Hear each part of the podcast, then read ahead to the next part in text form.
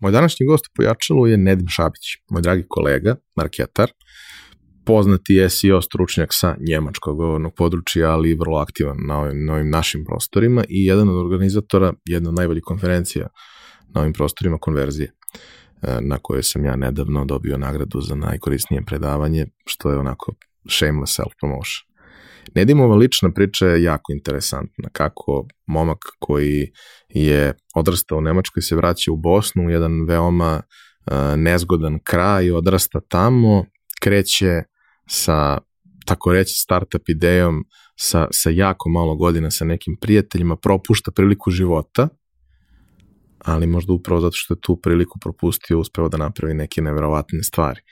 Nedim je jedan od najcinjenijih stručnjaka u oblasti digitalnog marketinga za nemačko govorno područje, a svi znamo koliko je njemački standard visok i koliko takva okruženja nisu baš neki ljubitelje stranaca. I ako ti Nemac kaže da si u nečemu najbolji, a njemu su to više puta rekli, mora da si stvarno pakleno dobar. Nedimova priča je interesantna, mislim da je bio ličniji nego bilo gde drugo, mislim da ćete zaista uživati u tome da je poslušate. Ja sam uživao radeći ovaj intervju. Realizaciju pojačalo podcasta već duže vreme podržava kompanija Epsona od nedavno. Smo za vas pripremili nešto posebno. Naime, nova fiskalizacija podrazumeva da mnogo veći broj nas mora da se bavi ovim pitanjem i mnogo je nedoumica, mnogo je e, nedovoljno detaljno objašnjenih informacija. Mi smo se potrudili da na jednom mestu na sajtu novekase.rs objasnimo baš sve što može da vas zanima i damo odgovore na sva pitanja. Što se tiče same fiskalizacije, što se tiče toga ko je obveznik, kao i na koji način možete iskoristiti subvencije koje država daje. Takođe, dali smo i neke preporuke uređaja koje možete da koristite, a tu je i webinar gde za nekih 30-40 minuta možete otprilike da dobijete vrlo jasnu sliku o tome šta nova fiskalizacija podrazumeva za sve nas. Takođe, treba reći i to da kompanija Epson, osim POS koji su ovde u centru pažnje, proizvodi štampače u svim mogućim oblicima, veličinama i namenama, kao i već 20 godina najbolje projektore na svetu, a više o tome možete videti na epson.rs. Za slučaj da želite da nas podržite vi individualno, možete da posjetite link u opisu podcasta na platformi Buy Me a Coffee i tu možete kupiti mesečnu pretplatu ili jednokratno donirati neki jednos koji želite. Hvala vam unaprijed. na tome.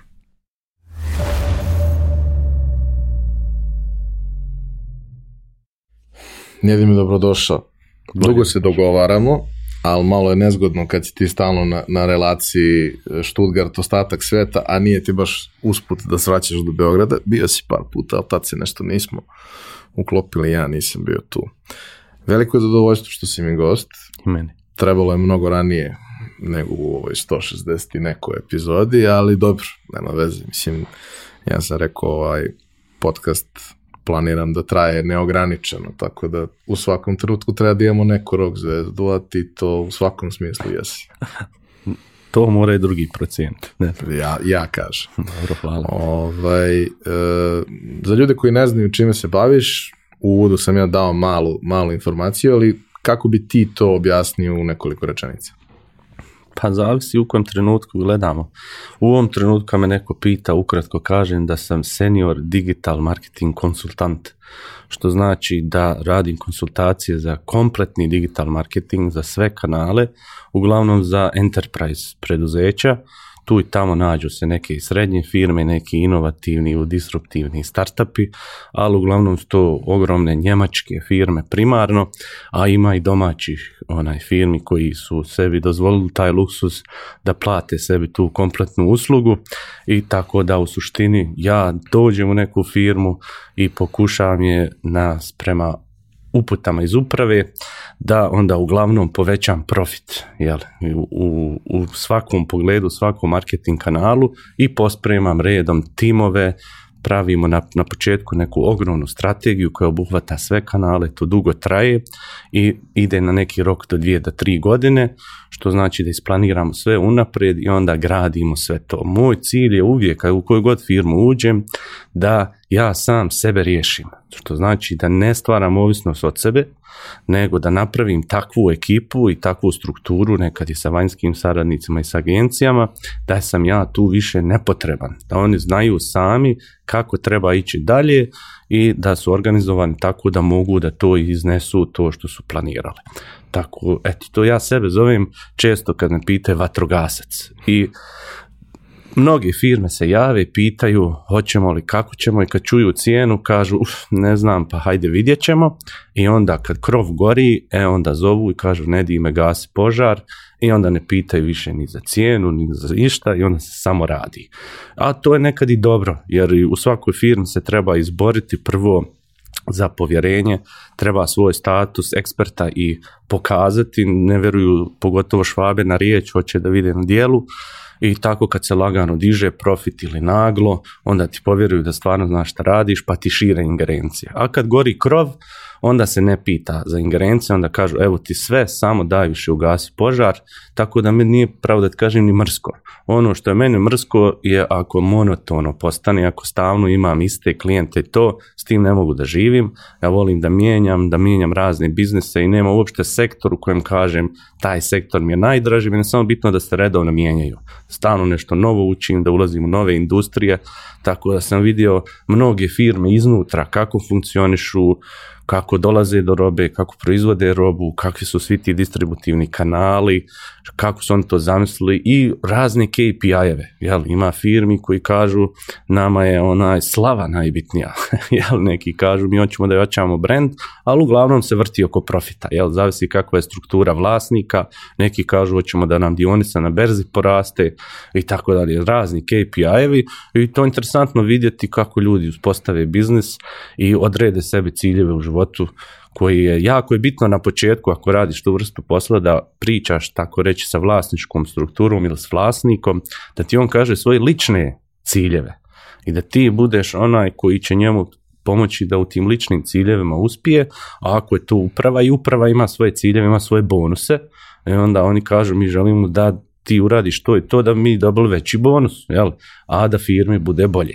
I tako uvijek mnogo, mnogo stvari treba vidjeti u životu da bi se to moglo, da bi moglo ušte razumjeti što oni hoće, ali eto nakon 20 godina sad okruglo, u tome mislim da sam skoro sve pa vidio jeli, i tako da mi to, ono, jednostavno ja se osjećam kao dijete na igralištu, ono, dadneš mu razne lopte, ja mogu da radim što hoću, mogu biti sudija i golman i odbrana i sve postaviti, promijeniti pravila igre i to je meni jako zabavno i ja samo radim ono što volim i s ljudima koji me legnu pare mi više nisu presudna stvar, cijena mi je uvijek ista za sve, nebitno iz koje su zemlje, ali mi je bitno da imamo tu srčanu vezu, da se razumijemo, da štima taj vibe i da imam slobodu da radim to da bi uspio u tim ciljevima. Jer na kraju odgovornost je na meni. Ako mi dadnu toliko slobodu, ne možeš ti onda reći da nisi napravio rezultate. Do sad se, eto, moram kucati što kažu u sto, jer nije desilo da sam onaj podbacio, ali u tom segmentu, u ličnim projektima jesam mnogo puta i to mi je jako drago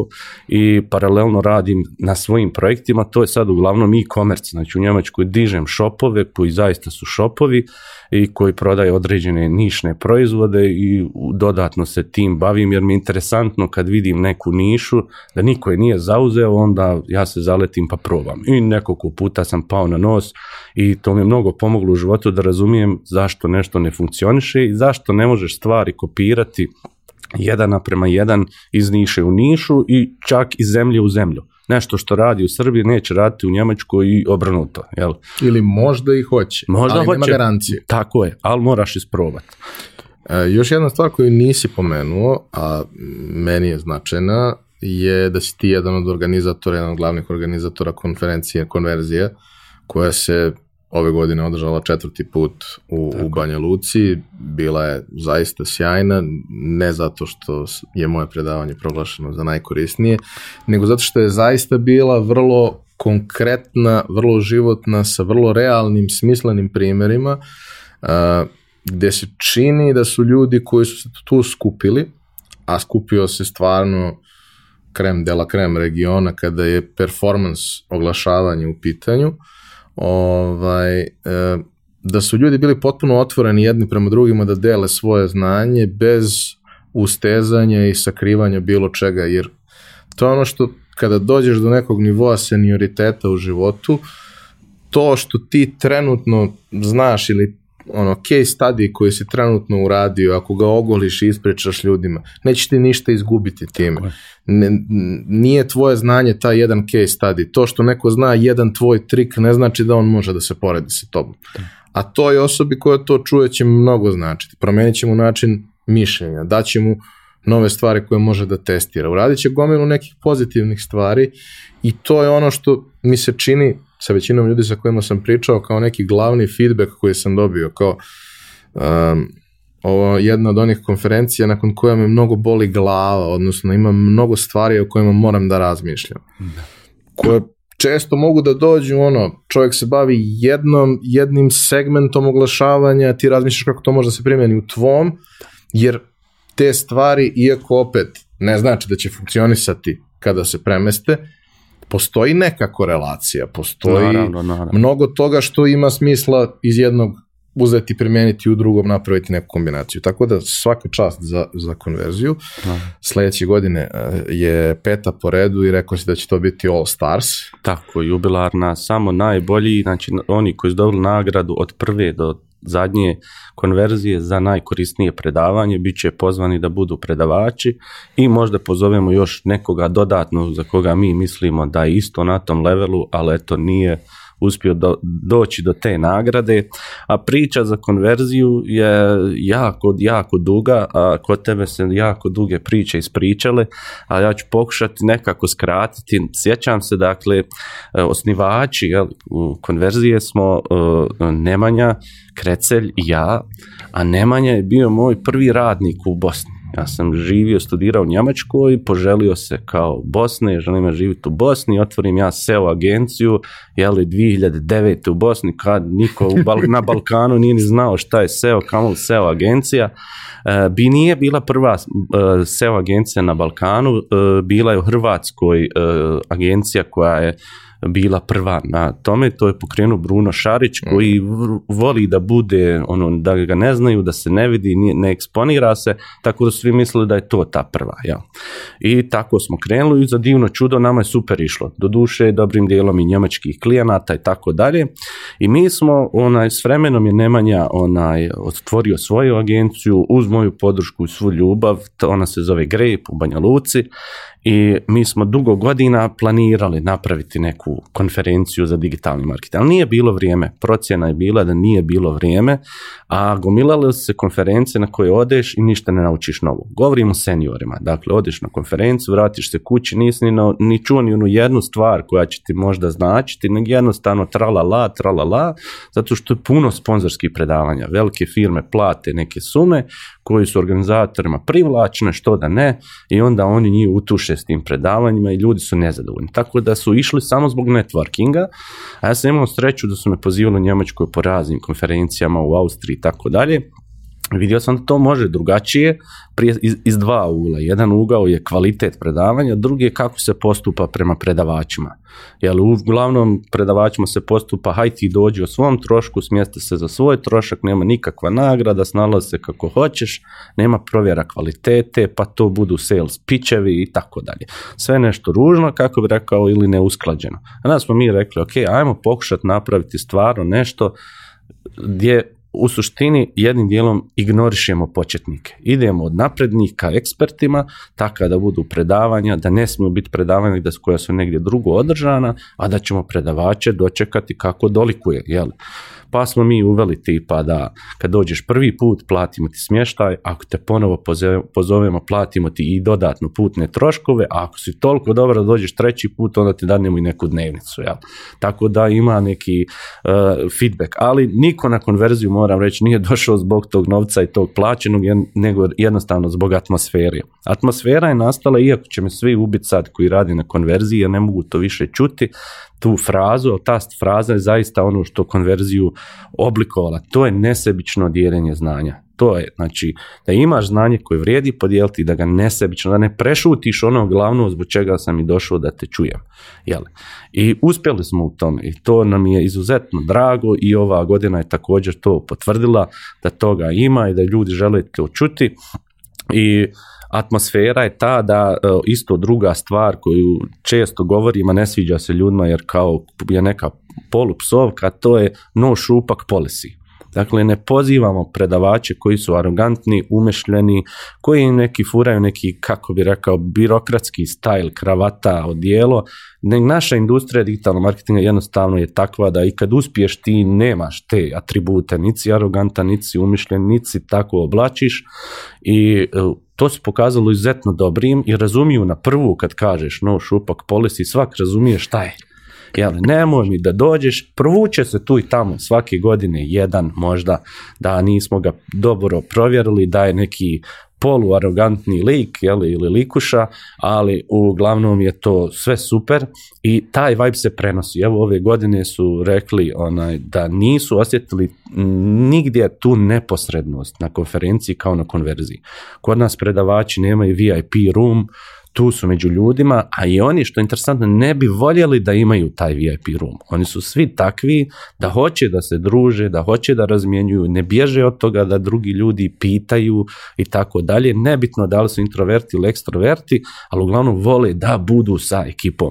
I to je nešto što ono publika izrazito cijeni, a kao što se rekao, publika je probrana zaista, e, vidi se po ocjenjivanju, jako su strogi, ono u mnogim konferencijama nema ocjenjivanja, tamo ima je lapidarno, ono, navijamo za svog, naš, ovaj iz Zagreba, ovaj iz Niša, ovaj, naš. A ovdje zaista ljudi, jer smo mi rekli, ocjeni najkorisnije predavanje. Ne najboljeg predavača, ne za najzanimljivije predavanje, najkorisnije. To je na kraju ono što je bitno. Kad dođem kući, da li ja mogu to da implementiram? E sad, da li je Koliko neko... me od toga boli glav. Tako, je. A nekima inspiracija, je li, ono, da digne na novi level, nekom je konkretno znanje, i ta, nekomu su kontakti, ali networking nije zanemaran konverziji nego smo mi samo ispoštovali kvalitet plus networking.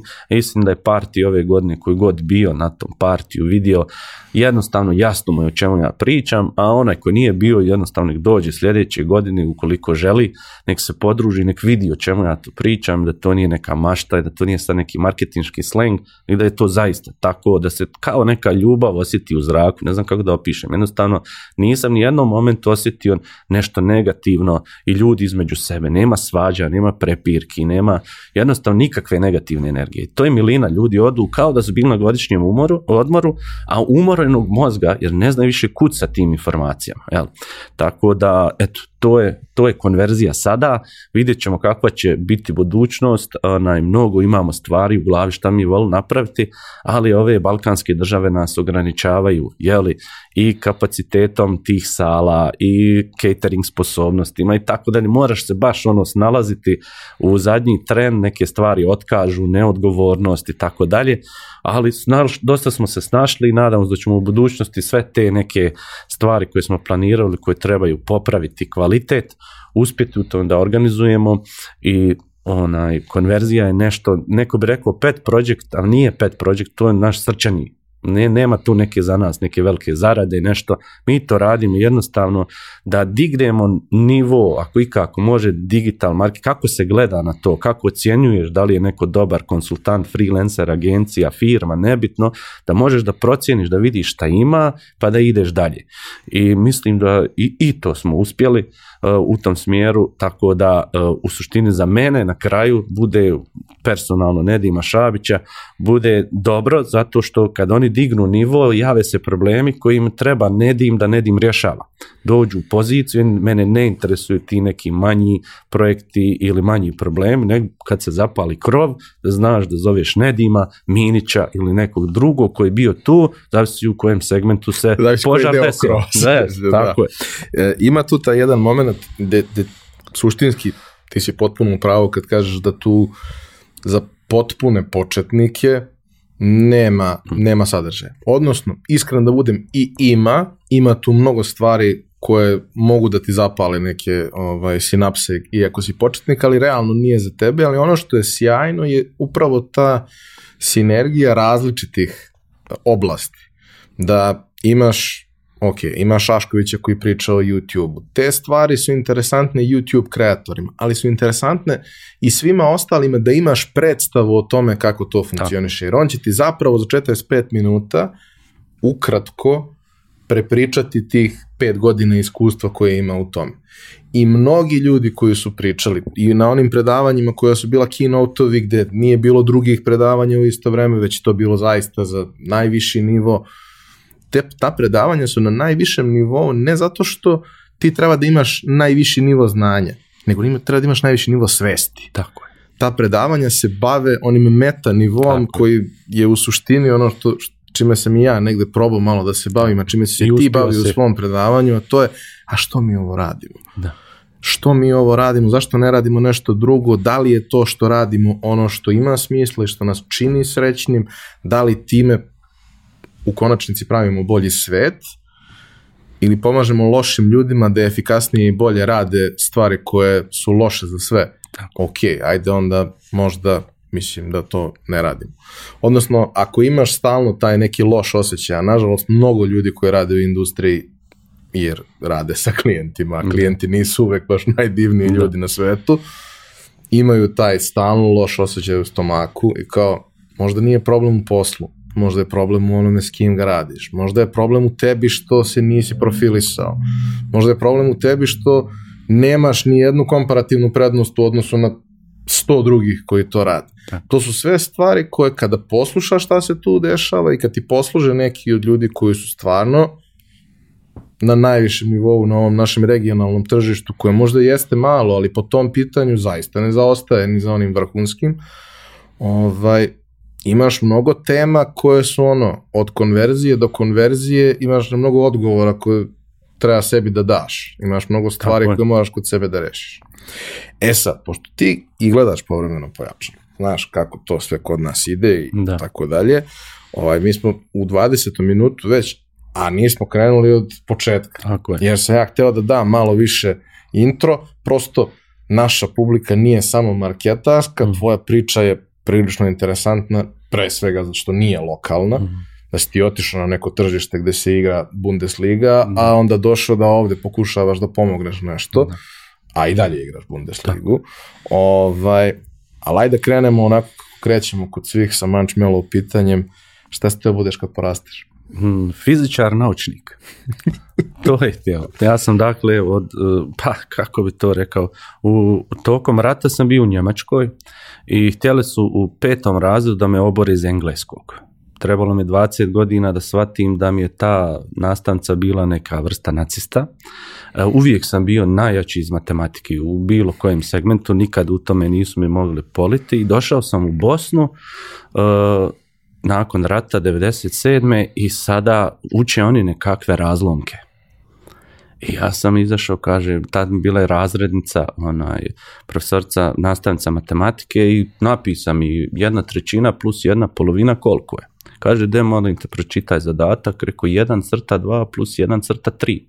Kaže, ona, kakva volim crta ovo s razlomci? Ja rekao, ne znam što s razlomci.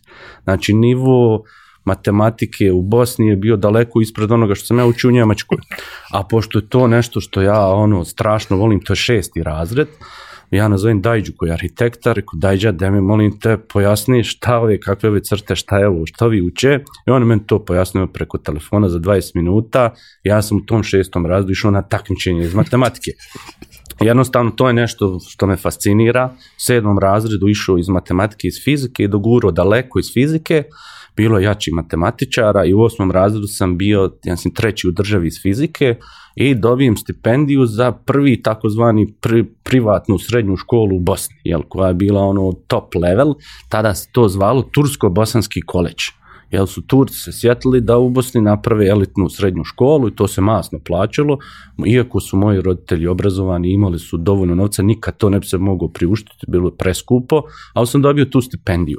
I odem tamo i onda sam se zadao i dalje u fiziku i tako dalje, ali informatika je već, ja sam u tim godinama već bio samostalan. Ja sam sa 16 godina imao svoje pare i napravio prvu veliku strancu, web strancu za građevinsku firmu koju sam zacijenio, ne znam odakle men ta hrabrost. Ja sam to odmah zacijenio od mali kad su ljudi prodavali to za 200-300 maraka, evo to je 150-200 eura, ja sam tražio 2500 eura evo, za običnu web strancu za građevinsku firmu, ja sam bio uvjeren da ja to mogu da napravim bolje nego što je bilo šta u Bosni bilo i tako i bilo, jel? I tako sam nastavio, a prije toga sam radio vizitke i to i krenuo sa web stranicama da bi otkrio affiliate marketing i onda je to išlo dalje. Ali na pitanje šta sam htio biti, kao mali je bilo, ja sam sebe jasno vidio kao nekog istraživača koji se bavi fizikom i traži neke nove stvari, ono na nekom univerzitetu u Americi, da imam neke laboratorije, da sudaram neke molekule ili nešto, to je bila vizija kad sam bio mali. Čim sam se susreo s kompjuterom i sa web strancama i afilijete, ja sam to sve zaboravio, to mene ništa više nije interesovalo, sam samo sjedio i sa 17 godina dok sam bio još na tom koleđu, ja sam napustio taj koleđ jer mi je bilo previše striktno, ono nisam htio, jednostavno ja sam bio čovjek koji je odrast u kvartu koji je geto El, moj otac je sudija na sudu, ne onaj futbalski, i on je odlučio da mi živimo u tom kvartu i on voli narod. On ne voli kravataše, ne voli te stvari i onda su odlučili da tu živimo. Ja sam odrast u kvartu koji je pravi geto, koji se zove Kalibunar. Ja to namjerno sam spominjem ovdje, sam ponosan kad me pitaju odakle si, oni koji znaju šta je Kalibunar, a imaju u Beogradu Kalibunar, ja kažem ja sam Kalibunarac. Niti sam travničanin, niti sam, pošto sam rođen u Mostaru, Mostarac, niti sam bilo šta, ja sam po mentalitetu, ja sam odrastu bukvalno na ulici i ono, djelimično sam u poslu švabov to se može reći da sam u poslu švabo, a ovako ono narodski čovjek, kako bi rekli. I taj kalbunar me naučio mnoge stvari i tako da kad sam vidio taj priliku za affiliate marketing i to sve, ja sam se u to zadao, ali na koleđu dok sam još bio, dok se nisam ispisao, imao sam sjajni susret s ljudima, e, osnivač e, Pika u Bosni, to je mhm. sada ovo je Liksa, Ado Budimlić, mhm. je živio blizu tog koleđa i mi smo se kao nešto družili i bio je jedan i tadašnji najveći, kako bi rekao, haker. Tada mi ljudi koji su dobro programirali, tada smo zvali hakeri, ali ovo je zaista bio haker. Mir e, Mirza Šeto, ja ne znam gdje je taj čovjek, ja sam pokušao da ga nađem i zajedno s njima smo mi napravili search engine koji je imao bot koji je brže indeksirao stranice i bolje nego Yahoo i napravili smo svoj e, zip onaj mehanizam za arhiviranje koji nije bio zip format nek naš koji je bolje kompresovao tadašnjeg zipa i winrara. Zašto?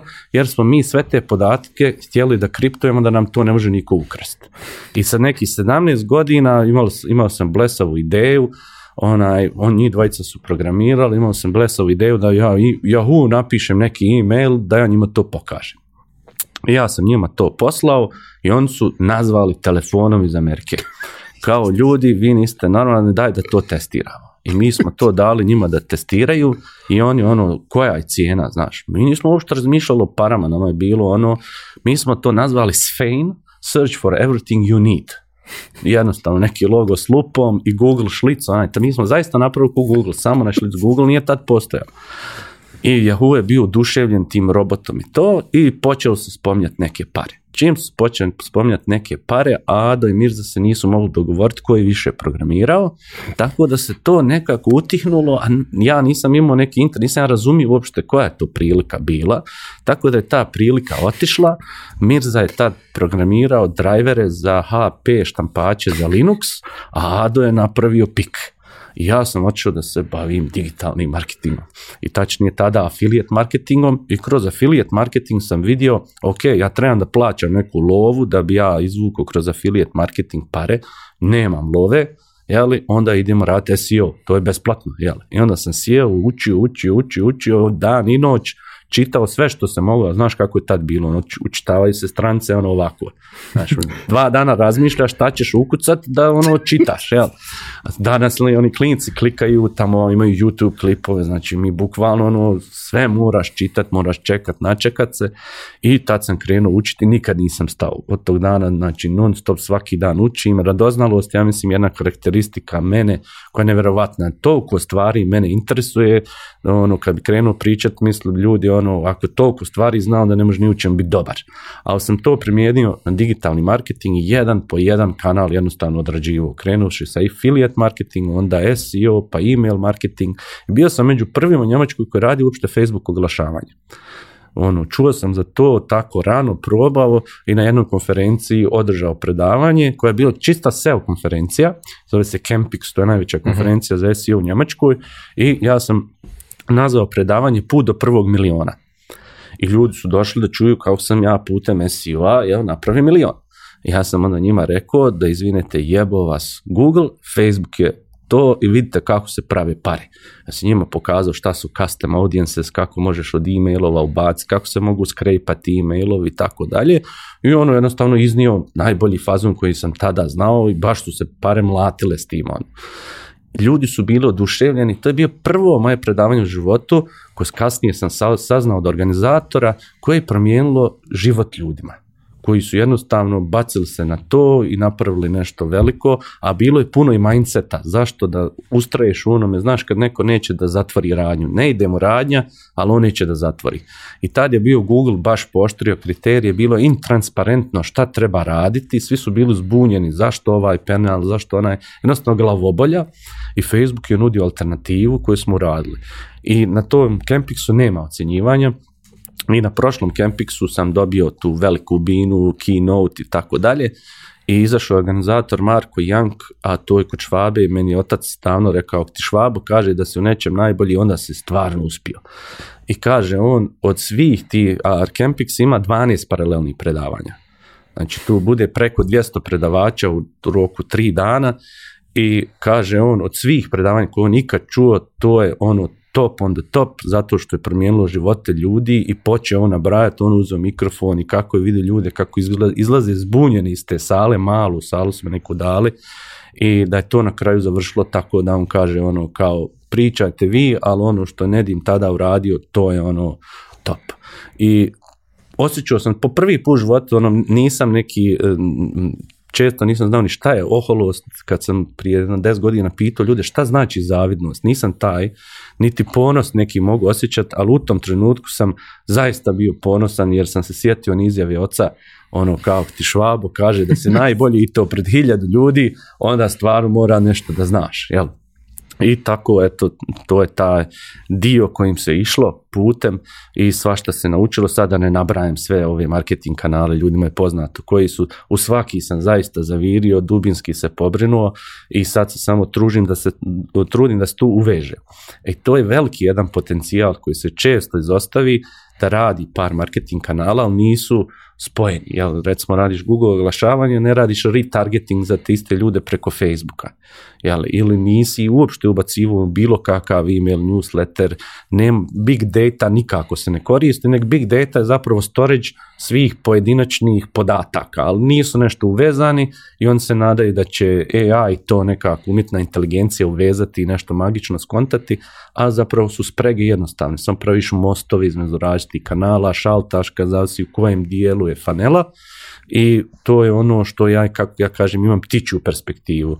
I ljudi u firmama često imaju tu tunel viziju. Dugo tu rade, puno se bave i zaborave pogledat iz helikoptera šta bi se još tu moglo neki quick win uraditi u pogledu povećanja profita i meni uvijek uspjeva. Dođem, dobijem ptiću perspektivu i uspijem napraviti te mostove i to jeste komplikovano, ali doprinosi mnogo čemu ali je putanja jako duga. I kad neko pita pa odakle da krenem da učim, no, u suštini je nebitno. Jer ono što treba da imaš je tu neutoljivu radoznalost.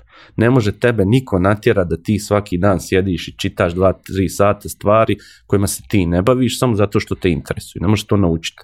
To je jednostavno, jesi ti takav ili nisi. I meni je to usađeno, jednostavno interesem. Čim nešto izašlo, recimo TikToka se pojavio. Sam odmah se registro tražio gdje, gdje kako doći do marketinga i ne znam ko je rekao na konverziji kao ne postoji TikTok marketing. Da, postoji TikTok marketing, znači na TikToku se možeš oglašavati, to nije problem, to postoji i to smo isprobali, imam nekoliko prijatelja koji samo rade TikTok marketing, recimo prodaju nekretnine u Njemačkoj preko TikToka.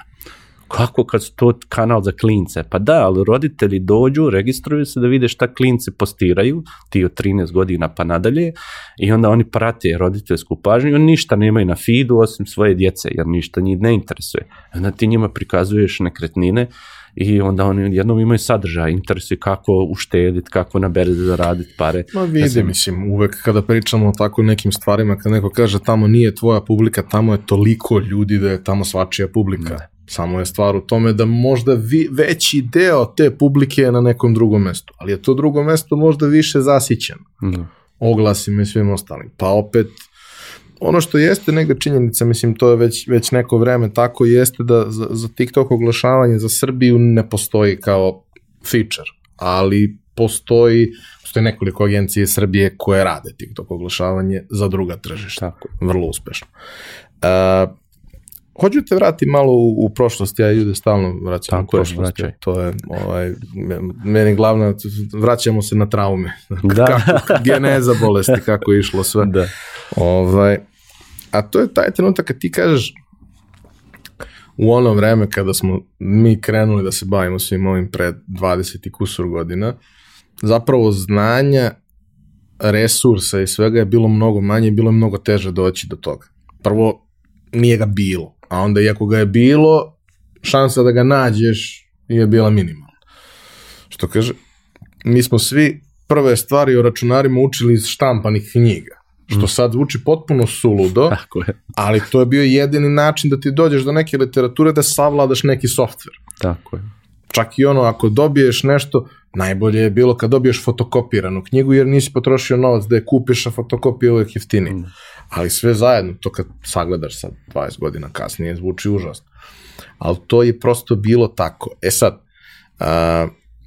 u kom trenutku si ti uopšte prvi put došao u kontakt sa, sa računarima i kažeš da si se na početku dosta zainteresovao za afilijet, koji jeste krajem 90-ih, početkom 2000-ih mhm. baš onako ozbiljno krenuo, jer kao afilijet marketing je u interesu svih to je baš win-win za sve koji su uključeni, odnosno win-win-win. Ovaj, tako da to jeste interesantno. 20 godina kasnije mi i dalje nemamo afilijet u Srbiji. Za mnoge stvari. Ovaj, ali dobro. Ali kako je to izgledalo tad? Prvo kako si došao uopšte u kontakt, a kako si onda saznao sve te neke stvari koje ste interesovali? 97. sam došao u Bosnu, evo interesantno ispričati. I došli smo drugu noć u Travniku, jel, i idem se ja kupat. I ja uzio sad ono gaće, potkošuru i peškir i idem onaj da se kupam. Kaže, mama, gdje ćeš? Pa rekao, idem se kupat. Pa kaže, su upalio bojler. Rekao, šta je sam upalio? Bojler. Ja nisam imao u Njemačkoj kod dijete bojler, nisam znao da to treba ugrijati. To je prvi dan. Drugi dan izašao i djeca, ono, i hoćemo se igrati, hoćemo, mislim, 12 godina ima. Kaže, idemo pecat ribe. U, reku, super i mi idemo dole na, na lašvu, na rijeku i nosimo lopate. šta će nam lopate, ono, razumijem, nikakve logike. I mi kopamo sebi rov. Mi smo rov iskopali i ovi stariji, 17. sami vade bombe. I bombe se bacaju uzvodno, a nizvodno se na ruke fataju ribe. E, to ti još jedna priča kalbunara. I otprilike, pa da, tako je bilo. I ja sam došao u kući s kantom punom riba i kaže meni stari, kaže onaj, odakle velike ribe? Pa reko Pa kako ste pecali? Pa reko bombama. Ko šuti ne bilo abi šta rekao, kaže sklon to tamo. I to je okruženje. I u tom okruženju bilo je nekoliko ljudi koji su odskakali, između ostalog e, momak koji se zvao Miralem Želja, on sad živi u Americi u Grand Rapidsu i on je imao kompjuter tad moramo ljudima prenijeti kompjuter je bilo čisto bogatstvo. Znači to koje imao je, a njemu je otac bio, ako se dobro sjećam, nadam se da ga neću uvrijediti, ja mislim da je bio domar i jako strog otac, ali je volio on, da on gaji, gaji tu ljubav prema elektrotehnici i kompjuterima i on je non stop u školi visio na kompjuterima, ja nisam nikad imao pristup još kompjuteru i on je kući nabavio Pentium keca na 333 MHz i ono ja, ono mogu li kako ja doći da vidim to, šta je to, razumeš? I mi smo tu sjedili, klikali nešto, odjednom se pojavio internet i njemu je otac tu uveo i mi smo imali bukvalno 10 minuta dnevno interneta, bilo preskupo da se to uopšte koristi i mi smo cijeli dan razmišljali šta ćemo sad ukucati i tako. I sjedio sam tako jedno pola godine do 9 mjeseci kod Miralema kući svaki dan, ti sat vremena i probio glavu ovim svojima daj da kupim ja taj kompjuter i da uvedem taj internet na kraju toliko sam bio dosadan da je moj otac digao kredit. Znači sad ljudi dižu kredit za auto, za stan, moj otac je digao kredit da kupi meni kompjuter na 24 mjeseca, možda i 408 mjeseci da je bilo. Ja sam kupio Pentium dvicu na 400 MHz. I ono, to je bilo ono s nekom grafičkom da može malo igrice, naravno u tim godinama, ali nisam mnogo vremena prve igrice gledać nek sam otkrio front page, Microsoft front page. I iz novina jel tako te novine i tada je bio onaj Dreamweaver program, ja to nisam znao koristiti, jednostavno to je bilo nešto prekompleksno i bio je jedan u gradu koji je programirao kao nekakav PHP. I ja sam saznam ko je ta i mama je, pošto je profesorica u školi i zahvaljujući nju sam dodatno popravio njemački jezik, jeli, e, Mm, e, Amidža od tog Igora je radio u školi i on mene nekako, ja sad imam šancu da sjednim s tim momkom na kafu. On se zove Igor Kulašin i on je bio meni idol tada. Ja sam gledao, on je jedini bio u gradu koji ima crveno ofarbanu kosu i on je svirao ono u bendu, ja sam uživao muziku, ja sam dosta svog života proveo u muzici i ja sa njim ono, eto, možemo li kako popit kafu, da ti meni samo objasniš kako taj Dreamweaver i šta je taj PHP to.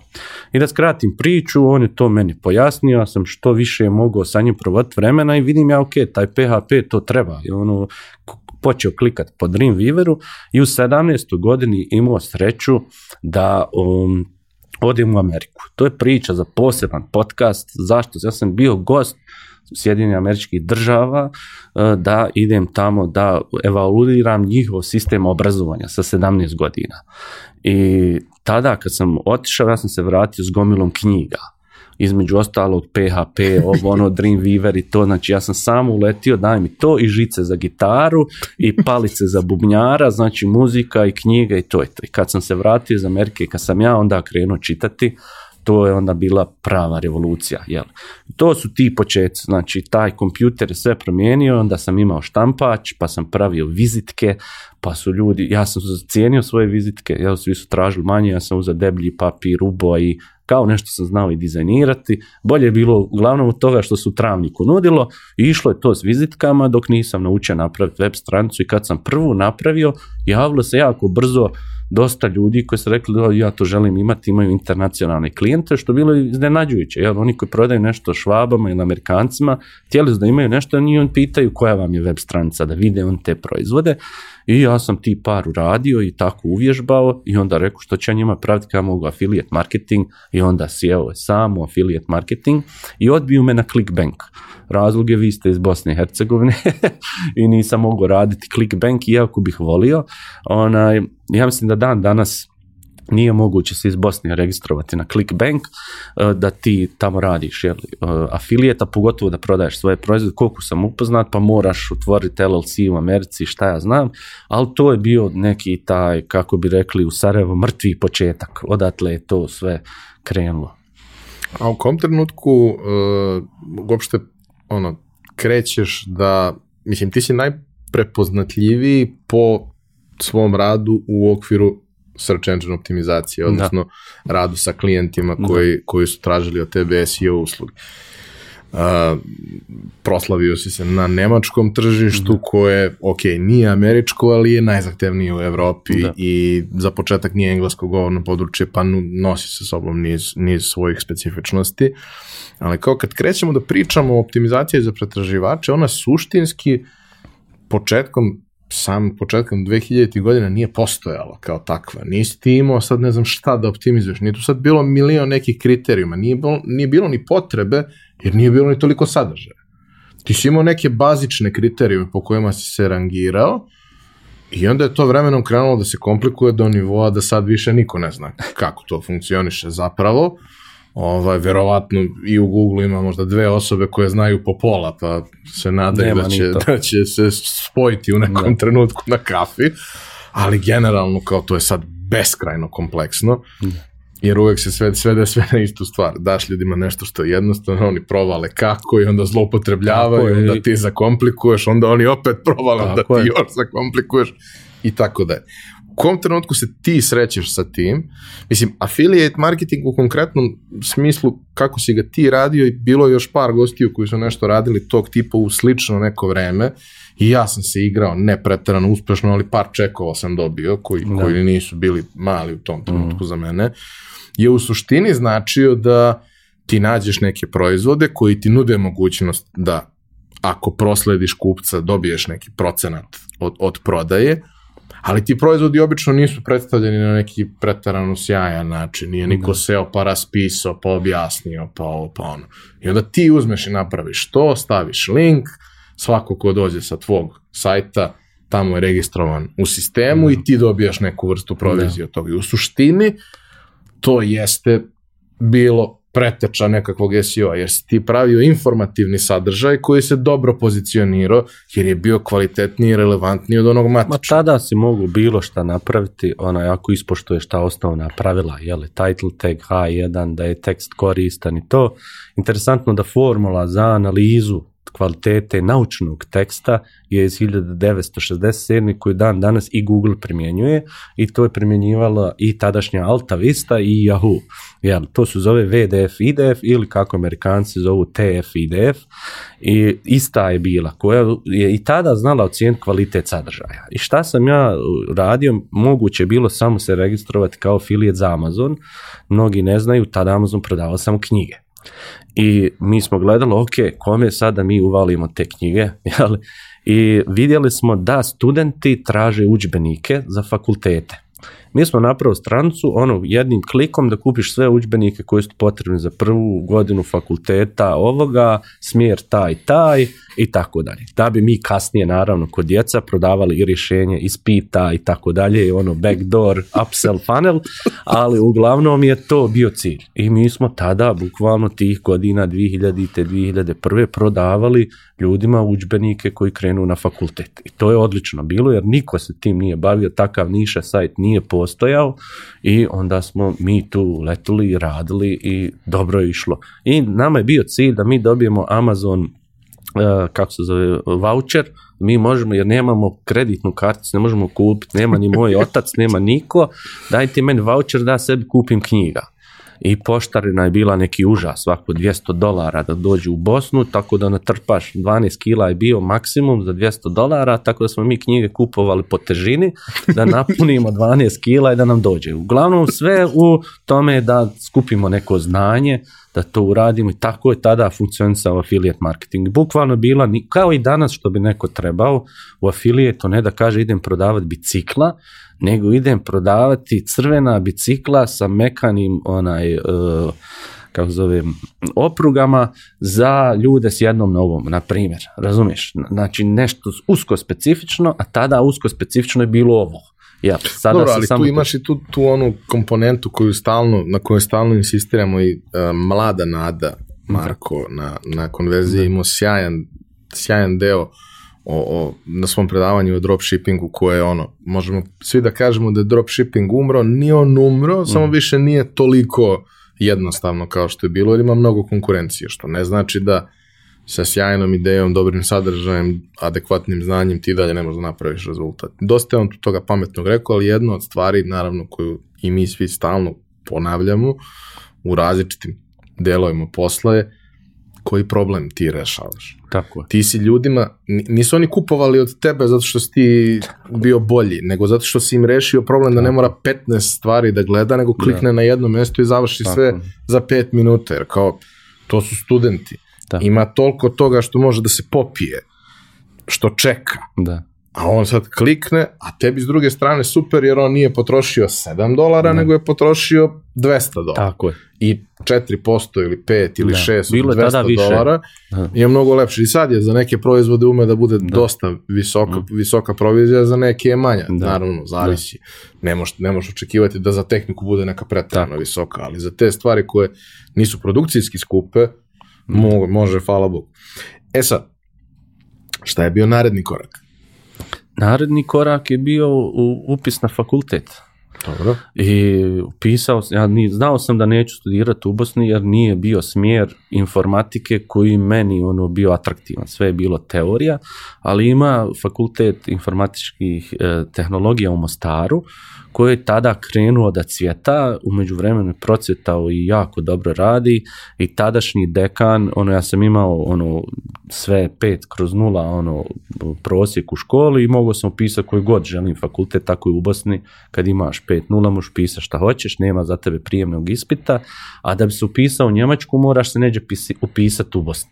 Ja sam otišao u Mostar, pričao sa tadašnjim dekanom i on je mene upisao, ja sam njemu rekao ja želim da idem u Njemačku, meni sam treba papir, on je sav oduševljen meni to dao i poželio mi svu sreću svijeta i upišem ja fakultet e, informatike u Stuttgartu na univerzitetu ne znajući da je to, znači, kako bi to rekao, rocket science e, teoretske informatike.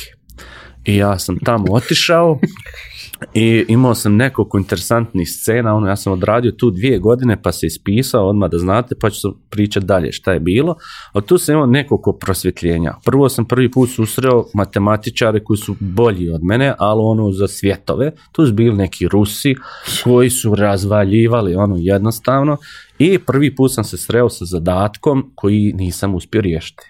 Prvi put u životu sam vidio da ako se trudiš, ako sjediš i zagriješ stolicu, ipak imaju neke stvari koje ne možeš. Jednostavno, tvoj kapacitet je limitiran i to mi je teško palo.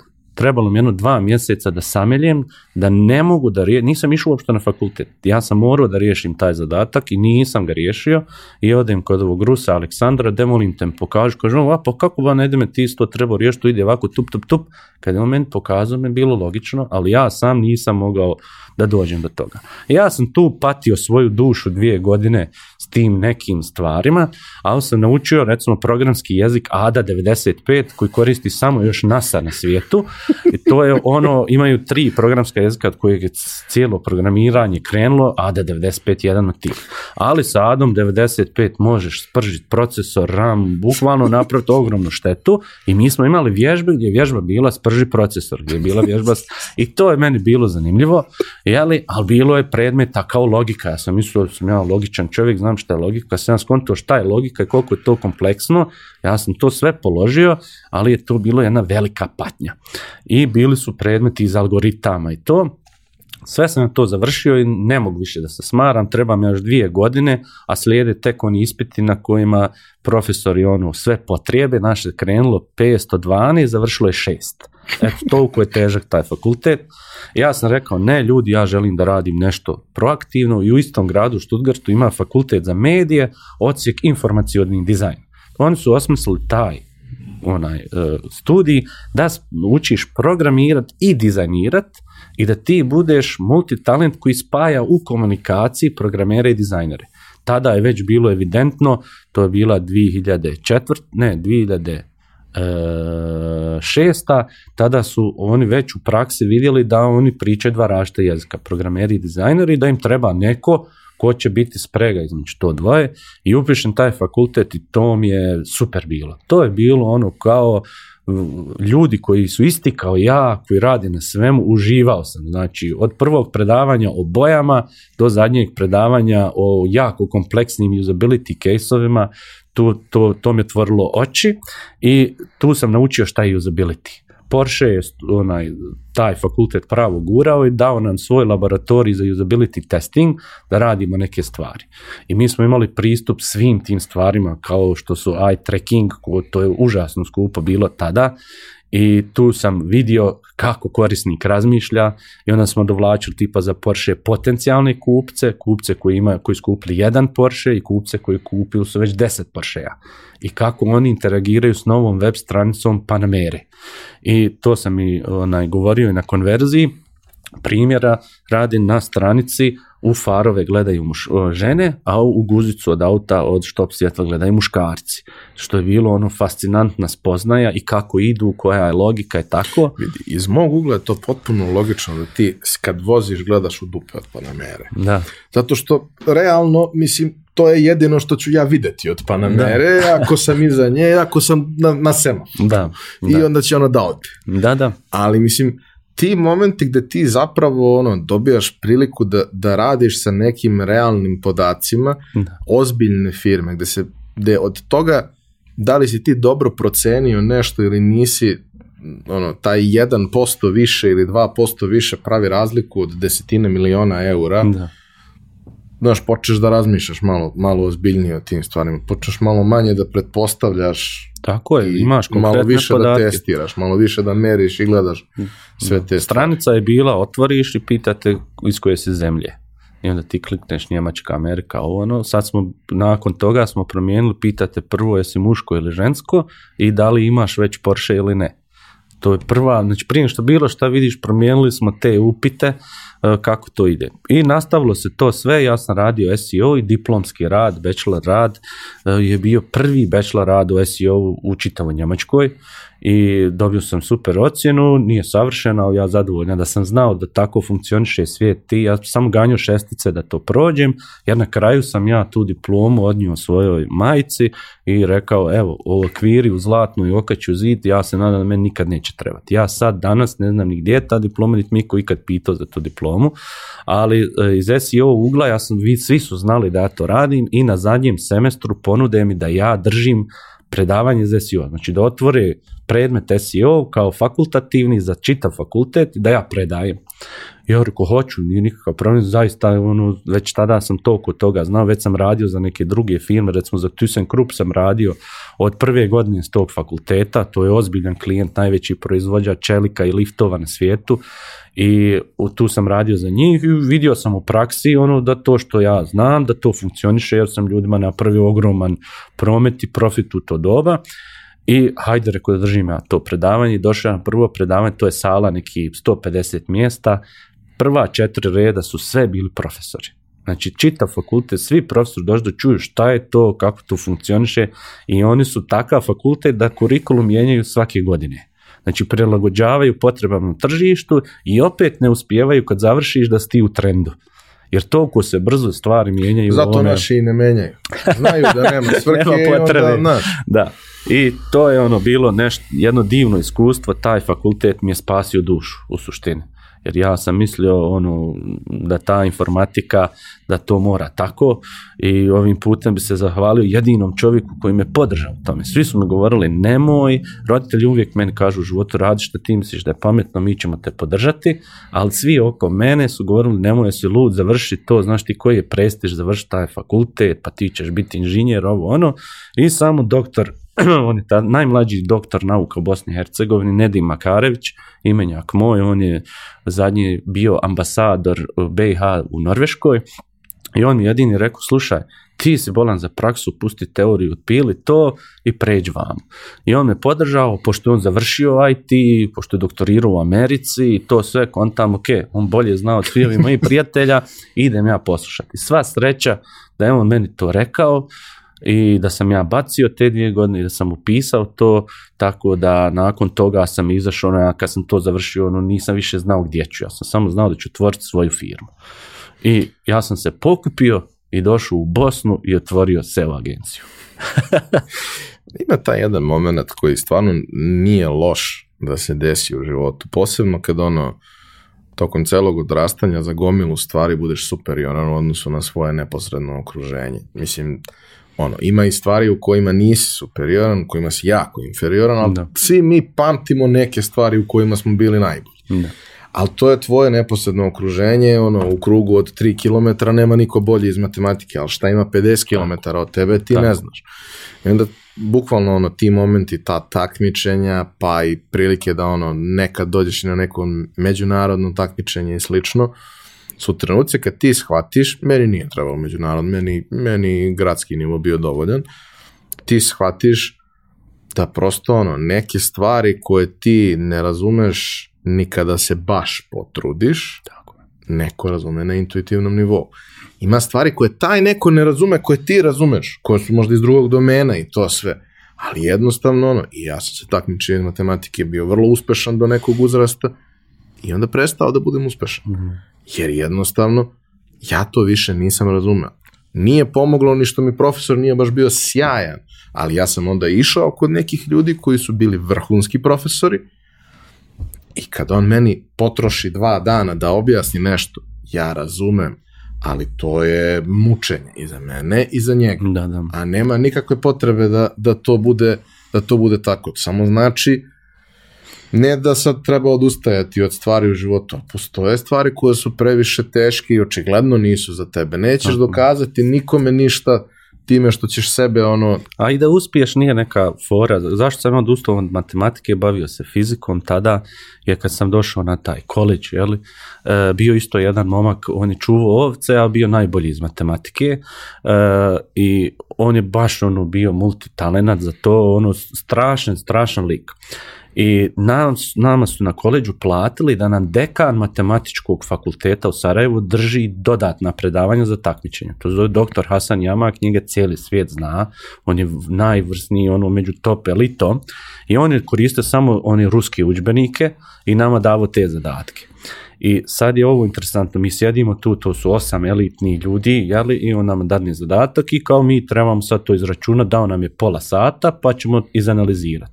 A taj Nermin, on sjedi ovako, ne dira teku, ovako gleda onaj zadatak na tabli i kaže na glas nakon pet minuta rješenje je. I onda ga doktor Hasan Jamak, pokoj mu duši, rekao ti si varalca, ti si kopirao ovu moju, ovaj moj udžbenik, nemoguće ovo na pamet izračunat i njemu Nerko takav ono nonšarlantan jeli, kaže ono ma daj koji hoš zadatak još to se na pamet riješi. Znači, mi ne možemo za pola sata sa olovkom i sveskom, a on ono ležerno se nasloni i računa u glavi. Znači, to što tebi teško pada, neko je rođen za to. I onda vidiš isto kao recimo u digitalnom marketingu. Ako vidiš da ti ne ide nešto, pa brate, fokusira se nešto drugo. Očigledno nisi za to. I tu je meni bilo jasno, matematika nije za mene. ljudi koji su rođeni za to, neko oni to rade, ja ću se baviti nečim drugim, jel? Nečim drugim što sadrži matematiku u sebi, ali do određenog nivoa. Može ne mora, da. Znaš, da. do određenog nivoa. Hvala Bogu, mislim, znaš kao, nisam dobar u računanju. Pa danas ne moraš da budeš dobar u računanju, za to ima i software i hardware i sve što uz to ide. Ali za razumevanje toga, za upoređivanje, za dobar osjećaj između nekih stvari, znaš, kad mm. ti vidiš i možeš da oceniš neku stvar, to je nešto što se gradi vremenom. To zovu čitati brojeve. Tako je. Dakle, ne moraš da znaš na pamet da sabereš porudbinu u kafiću, ne radiš kao konobar. Tako je, iako to uvijek radim, da proverim poštenje i proverim, i uvijek dadnem, kad pošteno naplati, uvijek dadnem mnogo više bakšiša, nekad me pokuša zeznut, onda, onda reknem e, što mi pokuša zezniti, tačno platim koliko sam trebao platiti. Ne znam zašto to je neki poremećaj, ali nebitno koliko se pije i koliko sam ja konzumirao, ja u svakom momentu znam koliki je ceh. I on kad dođe naplatiti i to znaju ovi recimo u travniku i oni uvijek meni donesu, znaš ne treba meni taj papir, ja znam koliko je, i onda dadnem na kafu, ako je pošten, ako nije, tražim, zovem gazdu. Baš volim poštenje, ono nekako, jer počinje u kafani poštenje. Ako te u kafani krene zeznut, onda štaš očekivati od ostali, jel? Tu smo raja, znamo se, tu su u ovim lokalnim okolnostima, tu su poznanici, jeli, ako već poznanik pokušava, e, opasan je signal da ti možda nisi naivan, da ti možda nisi glup, možda te ljudi žele iskoristiti, pa treba naći to, a ne da mi se nije desilo da me iskoriste, da ispanem naivan iz te svoje neke dobrote koju čovjek jednostavno ima ili nema, ali lijepo i branice stavi do znanja, ono, ok, može, a sad si nećeš više nikad. I to mi Kalbonar naučio, ne bi nikad to naučio negdje drugo, nek daj fair play, ono, svi skupimo, tada smo mi skupili po pola marke da kupimo čokoladu jel, svak dobije tačno tri i po kockice i mi smo uzeli nož i rezali. E, to je to kad naučiš, a kasnije kad dođu pare lako je biti pošten. Ima ovaj jedan ubosni političar, da mu ne spominjem ime, kaže ne pitajte me za prvi milion, ali za sve ostalo ću odgovarati. Ne, e, nemoj, bitan je taj prvi, jel, temelj. E, otvaraš agenciju u Bosni, uh, eh, seo.ba, da. logično, je li? Da. Ovaj, I vi krećete da radite tu. I sad, naravno, ti imaš konekcije u Nemačkoj, postaješ lagano prepoznat u, zajednici tamo, to je u principu i ono jedan od načina kako ta agencija živi preživljava, jer ovde svest o tome u tom trenutku baš i ne postoji. Ponegde, po nešto, ali nije baš da može od toga da se, da se živi i da, i da raste firma. Kako je izgledalo ono graditi svoju reputaciju na jednom tržištu kao što je Nemačko? Posebno kad uzmemo u obzir da si stranac. Pa ja sam uzeo sebe za misiju, prvo imao sam pola pola klinata, hodao sam po konferencijama, tad sam bio ono full u konferencijama gdje god su me zvali i gdje sam se god mogu uvaliti, ja sam išao. Jel? Uvalit sam se moru u njemačke neke konferencije, na domaće nisam. I krenem ja ići na domaće konferencije. Ne znam da li je tu luda sreća ili ne. Prva konferencija na kojoj sam bio u Zagrebu zvala se Web Strategija 2009.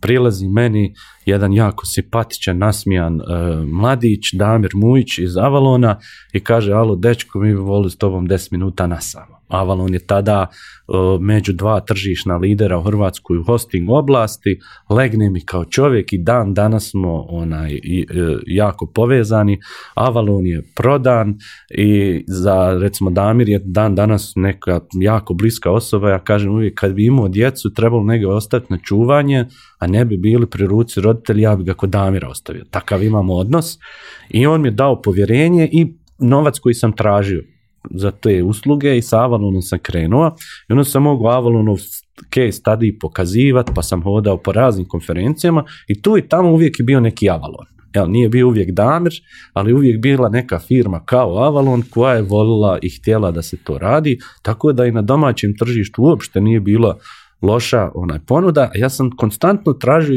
cijelu karijeru, tražio isti novac i za švabe i za domaće, jer ja sam prodavao bukvalno svoje vrijeme za pare.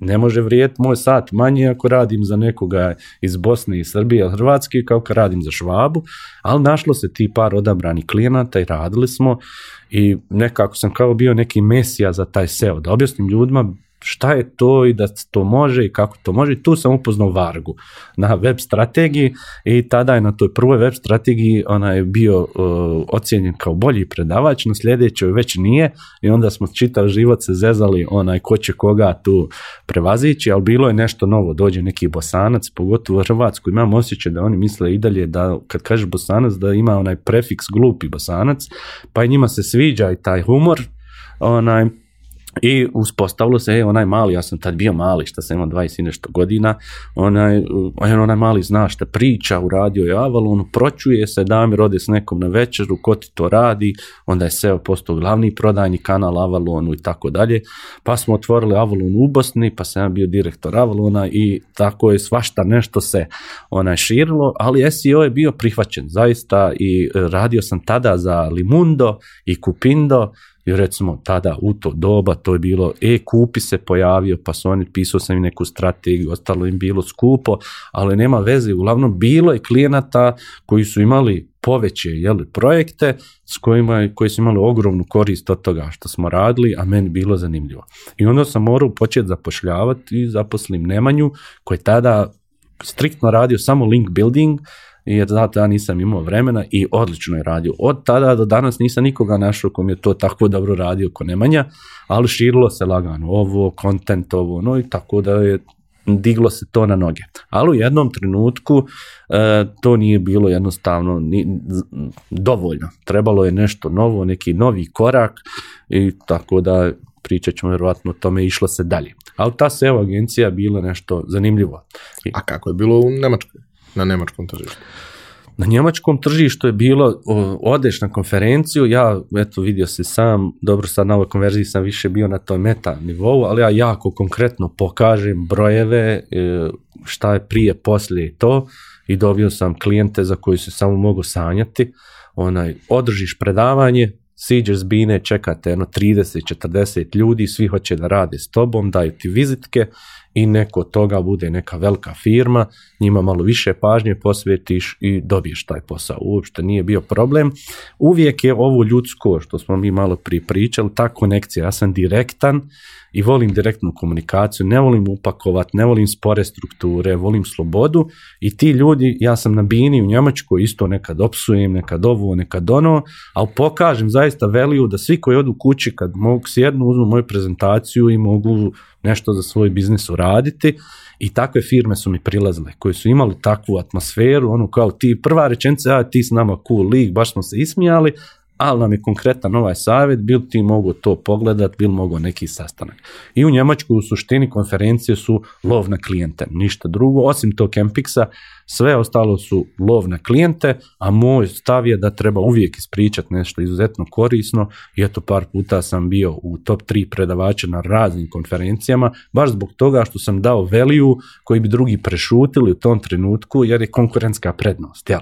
Kao šuti to na konferencijama su u Njemačkoj recimo sad priča ono što je radilo prije godine ono kao to je cool fazon, ali dok radi šute.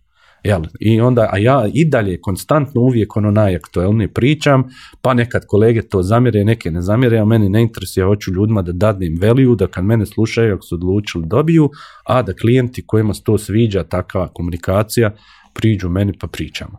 I Njemačkoj nije meni nikad teško palo i nisam imao taj nedostatak što sam kao neki stranac ili se zovem Nedim, to nikom, nikog nije interesovalo.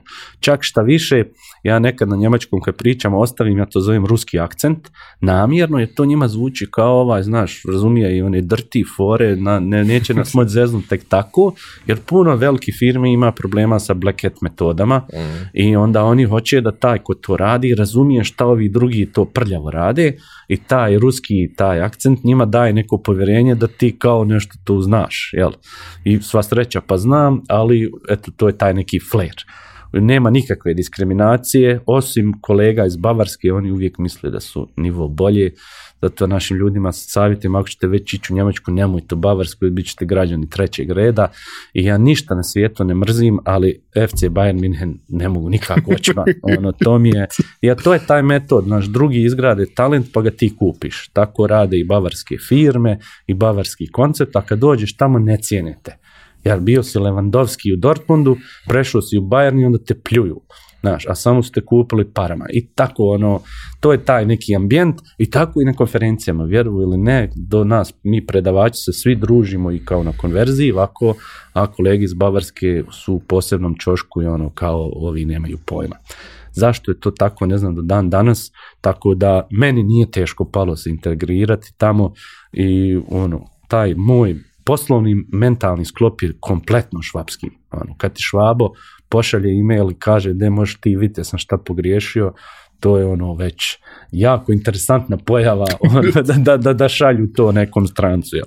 Ali et, dobro je, ne mogu se požaliti. Ono, švabe, švabske okruženje je tako, ako si dobar, on će reći da si dobar, ako si najbolji, potraće, ali će ti reći. jedna od stvari koja je tu jako važno za, za probijanje i za izgradnju neke reputacije je to da imaš dobre studije slučaja, odnosno da imaš dobre materijale. Vrlo često kad mi pričamo o svemu tome i ljudima recimo koji nastupaju na konferencijama i tako dalje, ima tu sjajnih predavača u smislu jako dobrih showmana. Mhm. Neki su i sjajni u svom poslu, pa onda stalno dobiješ još jednu nadgradnju da. toga svega. Neki nisu baš toliko sjajni u svom poslu, ali su jako zabavni, dobri u nastupu i to sve. Onda kada vidiš da recimo ono na tri konferencije zaredom koristi iste primere, to ti kaže da nema drugih primera. A ne možeš da koristiš, mislim, dobro, sa, sa konverzijom je uvek bio taj dogovor da se koriste stvari koje nisu na drugim mestima. Ne znači da neki deo priče ne sme da se ponovi, ali konkretno meso, ono najvažnije da. zbog čega je, je unik i aktuelno vezano za to. Ali taj moment kad ti, kad te neko treći put vidi i treći put čuje različitu stvar od tebe i vidi različit primjer kako to radi, to je trenutak kada si ti njega ubedio da ti je. znaš šta radiš. Jer svako možda pogodi jedno. Da, ali da priča iza toga zapravo treba puno iskustva da se izboriš s tim. Radi se o NDA. Mnogi imaju use case-ove, ali imaju NDA. I ako već želiš da se baviš tim speakingom, ti bi trebao u jednom momentu kad akviriraš te nove jeli, klijente, da u NDA-u tražiš da imaš dozvolu da izneseš određene stvari. Znači u momentu kad dobiješ, kad je taj hype, dobijaš velikog klijenta, traži da se to ukloni, da imaš pravo da koristiš, da kažeš da radiš za njih, da možda određene podatke smiješ iznijeti u javnosti i tako dalje. I mnogi će vidjeti da se tu ne znaju izboriti, da će reći prije firma ne, nećemo s tobom raditi, šta ti sad razmišljaš o svojim speaker konferencijama, ali ovdje je ozbiljan biznis. Ali ljudi, to je priča koja pomaže svijetu, moraš znat prodati to kako bi rekao, zašto ti to radiš? Moj jedini cilj je da kažem, dignem svijest, da pokažem da može drugačije. Ne radim to da bi zaradio. Tako i njima kažem, ako se ti lupam Coca-Cola, pa ljudi, čitav svijet gleda šta vi radite. Pa pokažite jednom procesu nastajanja te jedne video reklame, u čemu je problem? Da će kopirati Pepsi, ja, pa mislim ono. I ti veliki nemaju te sprege i kad vide zašto ti to hoćeš i kako ti hoćeš i da iza toga stoje neke intrinsničke jeli, e, potrebe i e, želiš društvu nešto vratiti, oni uglavnom kažu ok. Ono. Naročito ako imaš priliku da pričaš na dovoljno visokom nivou. Da, a to je to snalaženje u momentu. Mislim, ko bi, rijetko ko će u momentu potpisivanja ugovora ili sastavljanja ugovora sad prigovarati, jer se raduje tom projektu i raduje se tim, tim parama koji će doći, iskreno, jel? I ti rizikuješ s tim svojim ubacivanjem da nešto tu poljuljaš atmosferu, da te pogrešno shvate, da na kraju krajeva izgubiš taj projekt, izgubiš pare. Znači, tebi zaista mora u tom momentu biti svejedno hoćeš ti dobiti taj projekat i onda da možeš koristiti te podatke. Ali iskreno govoreći, pogotovo s domaćim klijentima, taj NDA pa može se i poslije NDA dobiti neka specijalna dozvola da odre... mislim, jel, tako da mislim da si u pravu. Da u većini slučajeva, ne svim, ali u većini slučajeva ti što ponavljaju jedan te isti case i nemaju drugi dobar case. Imaju druge caseove, ali nisu ni približni. Ja se sjećam nekih kolega koji su u Njemačkoj radili Facebook, ono onom predavanju, vrtili se po svim konferencijama, radili su za Kingston. Kingston im je dao dozvolu, imali su neki roji ludi, 3000 i nešto posto roji za Kingston server, SS diskove, ono nisu nikako mogli prodavati, on se napravio hype. I upoznao sam te ljudi, vidio sam da zaista to je jedini case, ono s kojim se može dići, ovi ostali su sve 5, 10%, to ovo, ono, nije za pokazat, jel ono, da oduševe se ljudi, tako da su išli sa tim istim predavanjem. Ali i organizatori konferencija sam sebi krivi što dopuštaju da ljudi pričaju jedno te isto i da postoji mogućnost da je neko bio na tri konferencije, tri put isto čuo predavanje, mislim, to je greška njihova, jel? Ali da, use case-ovi su posebna priča i na njima se bazira i ko ima uvid, a možeš ti uzeti sliku iz analitiksa da ne kažeš ko je, Mislim. Da, mislim, postoji taj jedan moment da nakon nekog vremena ti imaš toliko kilometraže i rezultata i svega da apsolutno više nije nije to ni bitno, ti ćeš za svoju dušu raditi eksperiment koji nema veze sa klijentom Naprimjer, koji će biti interesantan. Tako je. Varga je mnogo puta imao te momente koji su meni uvek bili genijalno, genijalno zabavni. Jer kao, e, ajde radimo eksperiment potrošit ćemo neke pare, pa dobro, mislim, ok, i zaradit ćemo neke pare od svega toga. A druga stvar je naravno klijentski rad, ok, u startu ne možeš da tražiš sigurno posebne uslove u NDA-u koji je isti za sve. Tako i ne treba. Ali u nekom trenutku kad izgradite poverenje, ti kažeš, e, vidi, Tako ajde da i ti učestvuješ u tome što ja pokušavam da napravim nešto dobro. Tako je. I dobit ćeš, možda ćeš ti reći, aj nemoj od ove godine, pusti od prošle. Ali to je sasvim ok, znaš, jednostavno, ili nemoj reći ko je. Da. Skoro mi se desila situacija, prijatelji moji, sjajni ljudi, zaista, design studio koji radi neverovatno dobre stvari, kao ajde napravimo neku priču da malo razvijemo dodatno njihov portfolio na, na sajtu i to sve i klijenta koje su radili, njihovi klijenti su wow.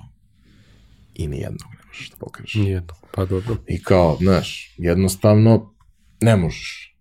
Sad, znaš, kao interno možda negde možeš malo da, evo, mi smo, ali ne možeš nigde javno ništa da iskomuniciraš. I to je, recimo, iza recimo, e, baš Zare na konferenciji pominjao to za, za Active Collab, meni su ja i Gođa prijatelji 20 godina i kao, ono, Slack koristi Active Collab, Active Collab koristi Slack. Apple koristi Active Collab, ali kao kad sam pitao jednom, jednom prilikom Miliju, od svih firmi, a imaš ih na sajtu ono, NASA, mhm. Intel, sve to super kao.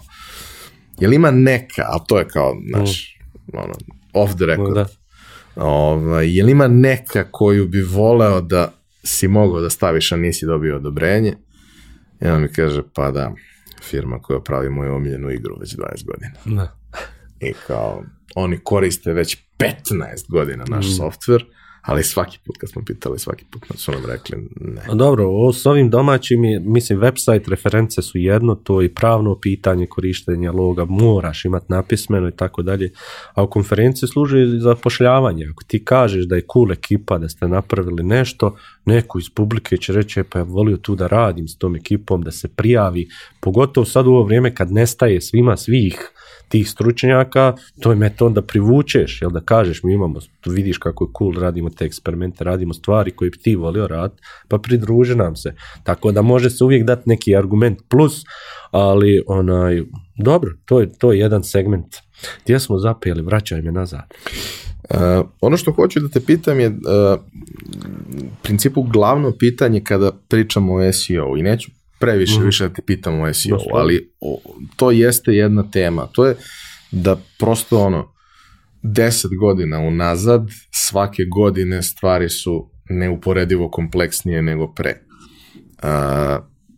vrlo često ljudi sa kojima pričaš jednostavno ne razumeju nivo, mislim, s kojima pričaju ljudi koji se bave time, možda ne ti, jer ti imaš neki mnogo viši nivo klijenata, ali ne zove nivo sofisticiranosti i kompleksnosti cele stvari.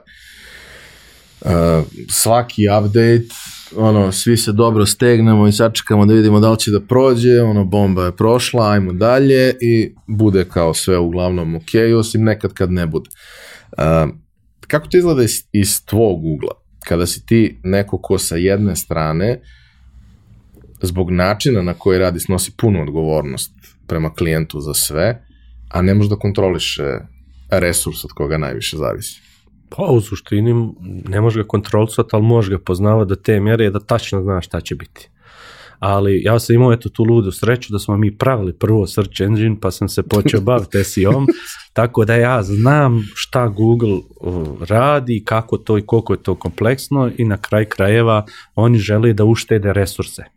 I tek ovu godinu, onaj, proteklu se desilo da su oni najavili određene stvari i nisu mogli da izračunaju. Znači, on, to je najveća serverska farma koja postoji na ovom svijetu i nisu u mogućnosti toliko često da izračunaju stvari koje sam sebi u simulacijama zadali, u praksi se vidjelo da ne mogu da stignu da izračunaju, niti da je to kvalitetno što izračunaju. I javlja se sad pitanje kako će se Google dalje unaprijediti. Ali SEO je vrlo jednostavan za neke osnovne stvari zavisi koliko je kompleksno. Znači, te, e, nekada je bilo, šta ja znam, 160 faktora, pa sam bio ono, na Spark konferenciji 2011. Sjećam se dobro slajda gdje sam pokazao ljudima 440 i od prilike, koja je težina, sad smo daleko preko 2000 faktora. Prvo sve i znati nabrojat je jedno, drugo znati im prioritet.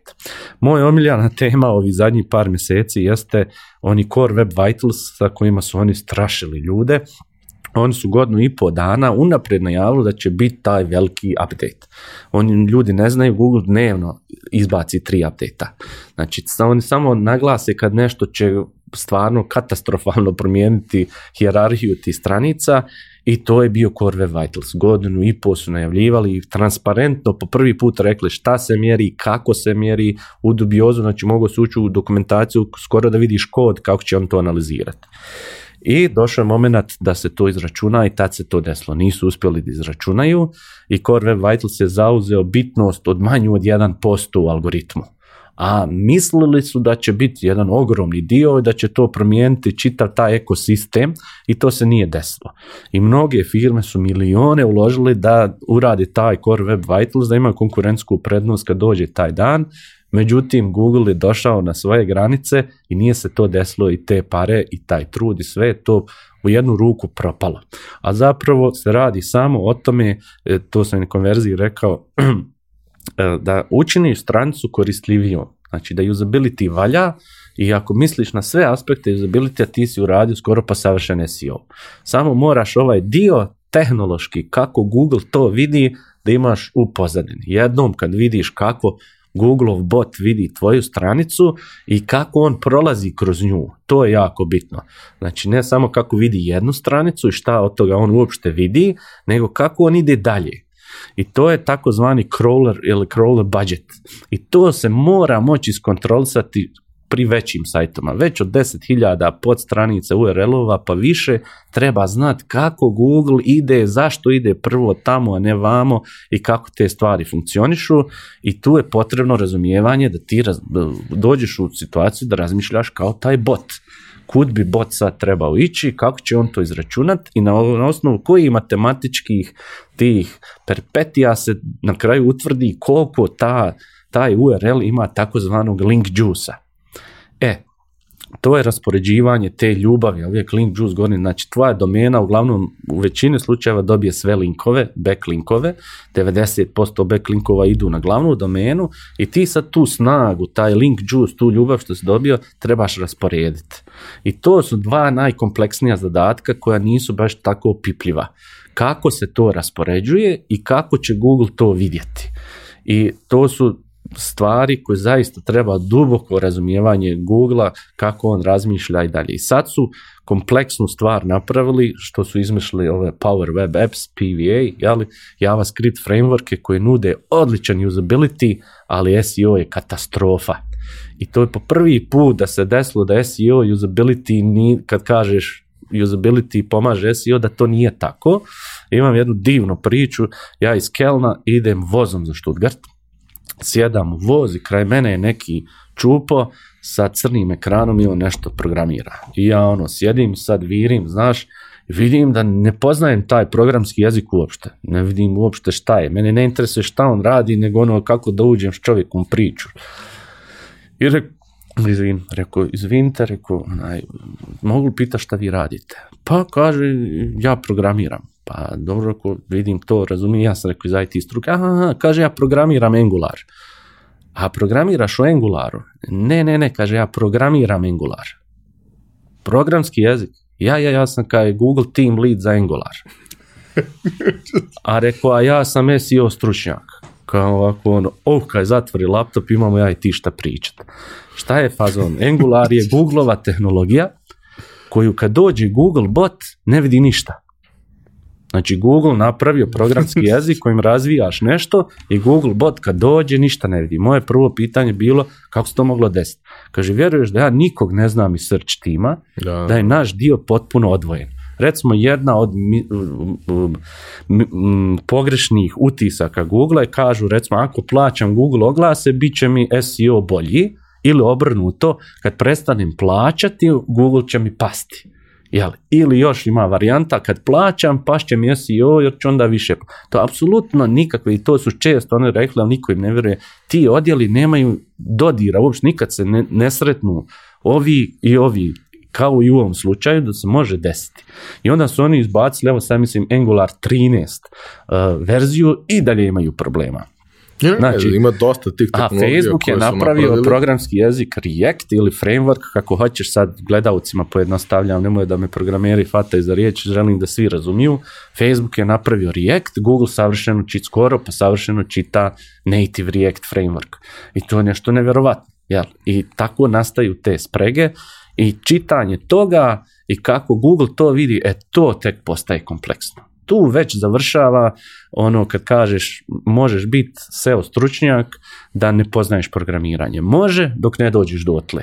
E ako te zapadne, sad recimo vidio sam ananas, je uradio u, u nekom PVA to i imat će hiljadu problema s Googleom, jeli, ali on su uzeli najnoviju tehnologiju zbog dobrog usability-a, nisu uopšte loše napravili, jeli, u tom sada ne kritikujem, onaj, uvijek se ima šta za popraviti, ali to je veliki problem i sad će imati stotinu problema sa Googleom. A da to nisu radili, puno bi lakše i krenuli i napredovali to, ali nije imao koreć. I sad je problem kako to popraviti. Kad si već dao nekoliko miliona za razvoj neke platforme. I napravio si nešto što je užasno kompleksno. Da, i sad i povezao si tamo SAP i šta ja znam, to su mislim procedure da ne idemo u detalje, sad to treba popraviti.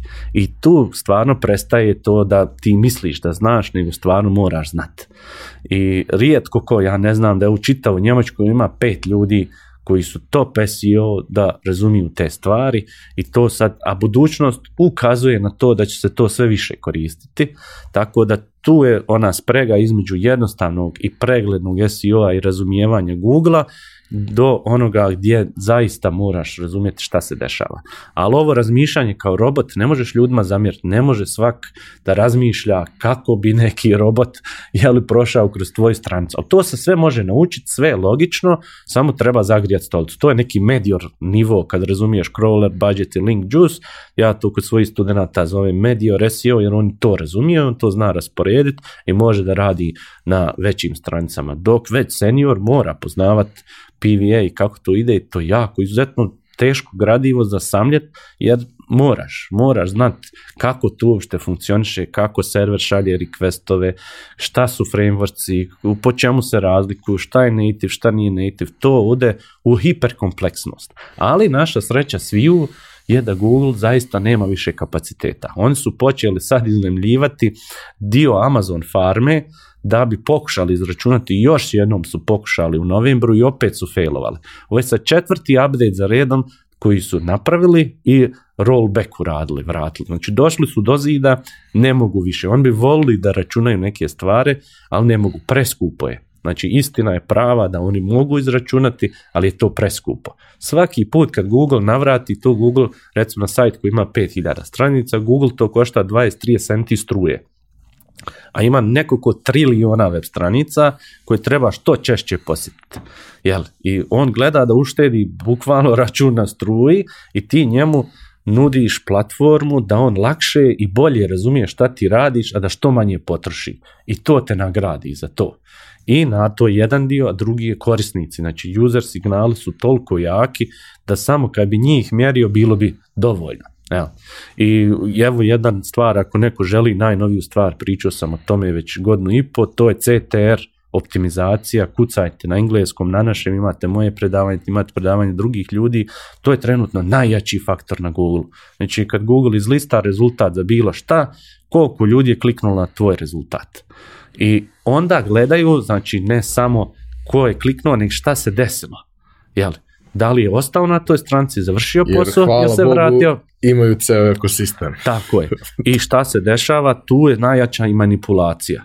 Znači, ljudi programiraju botove, on su tipa četvrti na Google za neku ključnu riječ koju traži mnogo ljudi i onda oni kliknu na konkurenciju na jedinicu, uđu na stranicu, malo surfaju tamo, pa izađu, pa kliknu na drugi rezultat, pa surfaju, pa izađu, pa na treći i tako isto, i onda dođu ti se četvrti kod tebe i kao završi kupovinu.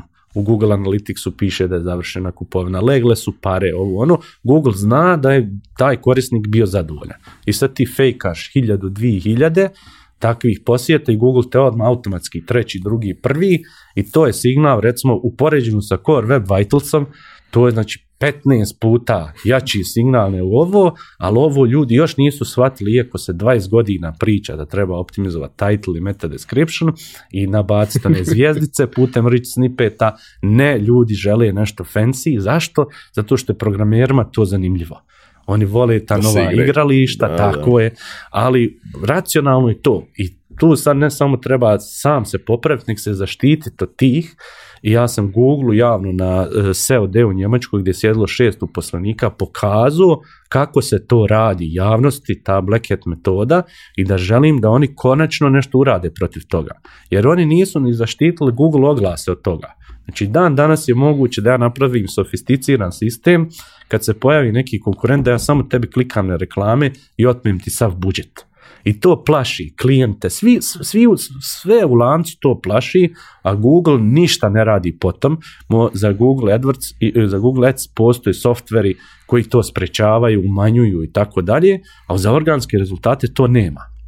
I trenutno je divlje tržište što se toga tiče i spameri uspješno uspijevaju plasirati stvari gdje ne bi trebalo. Najpoznatiji slučaj je jedan kolega Eh, polu švabo, polu amerikanac, on je radio kratkoročne kredite u UK, payday loans. I njegove eh, domene su bile monkey payday loans, eh, razumiješ, donkey payday loans, znači magarac, majmun, žirafa, tako je zvao stranice. I on je zauzeo top 10 u, UK sa payday loans. I Google je pokušao algoritamski da ukloni to. To su, mislim, on s jednim sajtom dnevno zarađivao neki 80.000 eura, s jednim.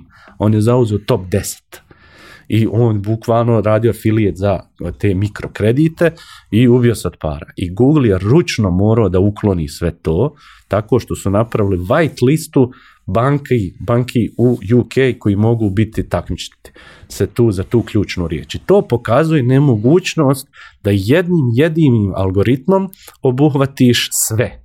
I sad je to ono priča se među ovima koji su napustili Google, koji su bili tamo radili, pa sad imaju svoje SEO agencije.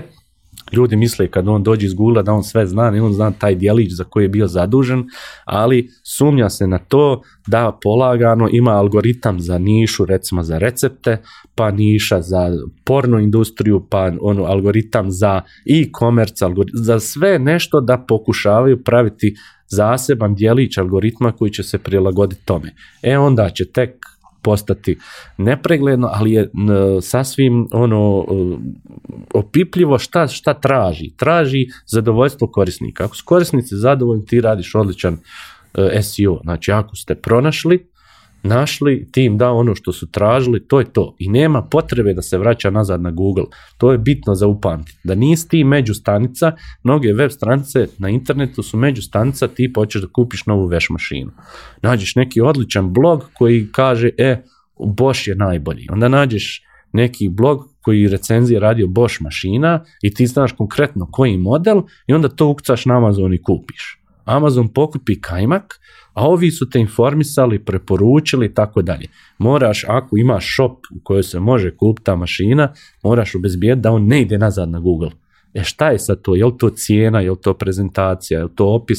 Svaki put je drugačije, a to je zapravo cilj. Kad je već došao, nemoj pod svaku cijenu da se vraća. Jer to je najlošiji signal koji možeš dati. I zato ne valja rangirati za sve što želiš, nek za ono što konvertuje. Razumiješ, ako ti za... To je za ono zašto si konkurentan ako ništa Tako je, recimo ti se za bicikla prvi, a prodaješ e-bicikla. I 90% ljudi se vrati kad klikne na biciklo, ti ćeš taj ranking jako brzo izgubiti. Jer ne prodaješ uopšte bicikla, nego e-bicikla.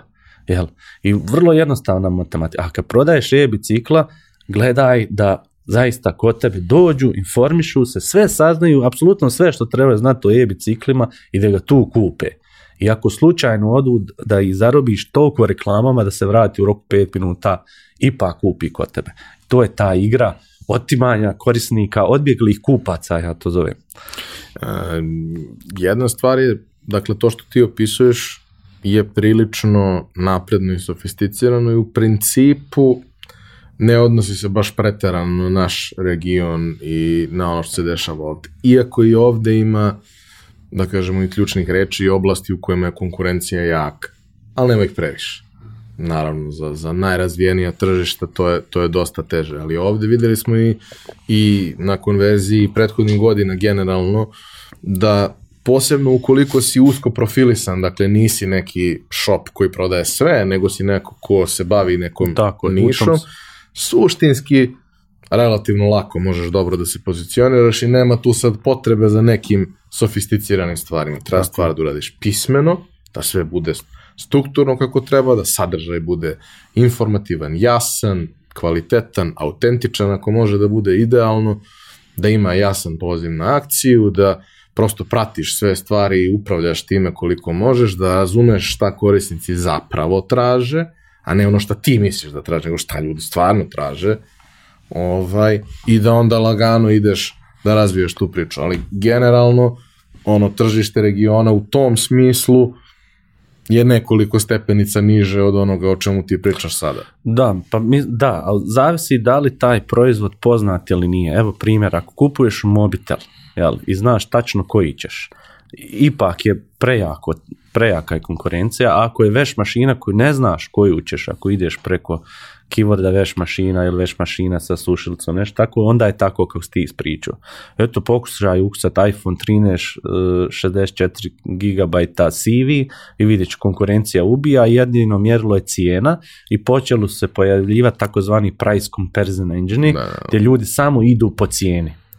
I u suštini ti proizvodi idu samo po cijeni, jer korisnik već zna šta želi, ali tamo gdje ga moraš edukovat da bi znao šta mu treba, tu je tako kako si ti opisao. A tamo gdje konkretno proizvod se ukucao, gdje proizvod ima ogromnu pretragu, search volume, tu je ono borba do, do kraja.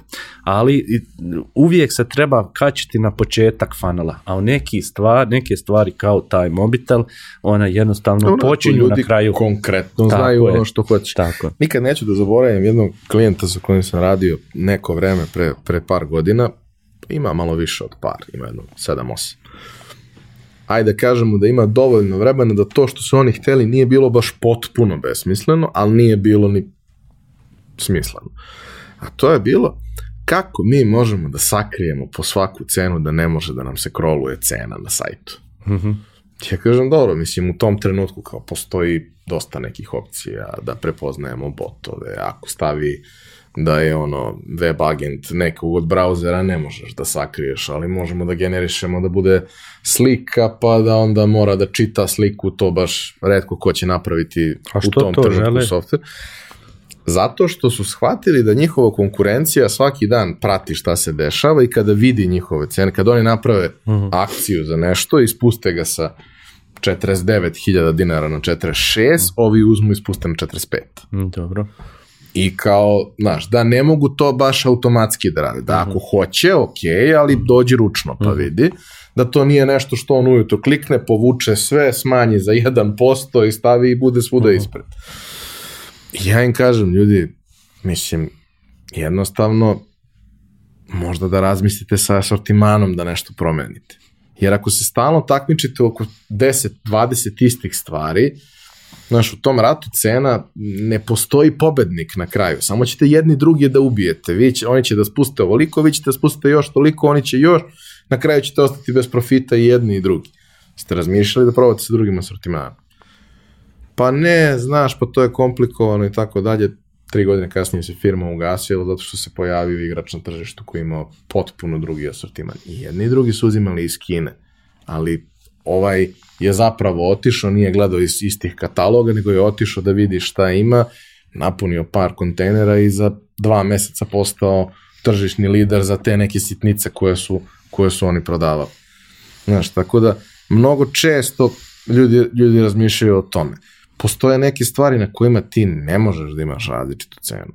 Znaš, kao, to, koliko te košta iPhone, a vrlo verovatno košta isto svuda. Da, da. Imaju proizvođači kao Lego koji su zabranili da se snižavaju cijene, pa tako ulaze u to, ali to je biznis model, znači tu ne bi pomoglo ni da su zabranili skrepanje ti cijena, tu biznis model je pogrešan na pogrešnim nogama i tu nema neke pomoći, ti si njima dao konkretnu ideju koju su trebali isprobati, daj Bože, da bi ih i to spasilo. Jako je teško kad uđeš u rat cijena, uvijek ima veći koji će te pojest, koji će biti jeftiniji. E, treba ići na neku onu uslugu, besplatno, besplatna dostava, nešto dodatno, dat klub potrošača, nešto izmisliti, ako si ti već top player, pa te drugi samo cijenama ganjaju. Jel? Ali nezahvalno je to. To je biznis model i u suštini tu pogrešan. Oni su trebali te pare što su imali uložiti u nešto drugo gdje imaju US PSP, da drugi ne mogu tako tek je. tako. Jeli, primjer isto opet e kupi je izmislio marku onu Vivax, pa imaju Vivax, ne znam, nija sve televizori, i ovo ono, imamo u Srbiji Tesla i mobitel i televizora, jel, to su super ideje, znači napravio si pare na tuđim, na Samsungu, na ovom, na onom, uzmi te pare, uloži u svoj brand i šta će sad, ne mogu uzeti tvoju robu pa jeftinije prodavati, jel? I tako na vrijeme je trebalo uložiti pare u prave stvari, ne kupiti novo auto i to je to, mislim, e, jako je teško i nezahvalno biznis modele onaj komentarsa uopšte, jer kad uđeš u dubinu vidiš da su problemi sasvim druge prirode, a pogotovo to nabavljanje iz Kine, to je epizoda za sebe da sjedne se i priča kako to zapravo se radi. Kod nas imaš taj problem, mislim, kod nas, kod nas u regionu celom imaš taj problem da imaš gomilu ljudi kojima su biznisi propali tako što oni nisu ni primetili da se to dešava jer su sve vreme pričali ali mi već 30 godina radimo isto. tako. Dobro, razumem ja da vi već 30 godina radite isto, ali nije isto pre pet godina nije isto u odnosu na sad. Kao pre pet godina nisi imao Apple Watch.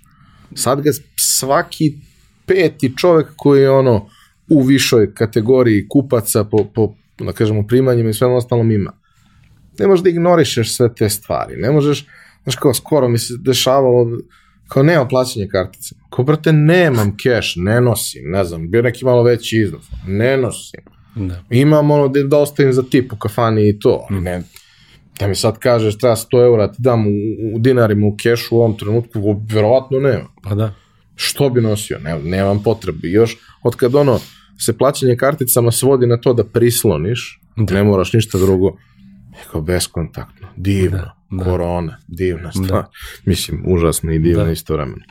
E, za kraj bih htio da ti pitam jednu stvar koja je meni lično bila jako interesantna i značajna tokom korone, posebno u tim prvim mjesecima koji su bili onako prilično. Mislim, ja sam bio zaglavljen u Americi, pa mi je posebno bilo dosadno, ovaj, ali e, to je ona jedan trenutak kad sam ja, čini mi se, konačno stvarno skapirao koja je tvoja misija sa svim što radiš, a to je trenutak kada si ti napravio školu i kada si rekao, dobro, ja sad imam vremena, ja ću sad da sednem i da svaki dan ili svakih nekoliko dana pravim uveč niz nekih lekcija za ljude, da prolazim, da zovem neke interesantne goste, da pričam o svemu tome.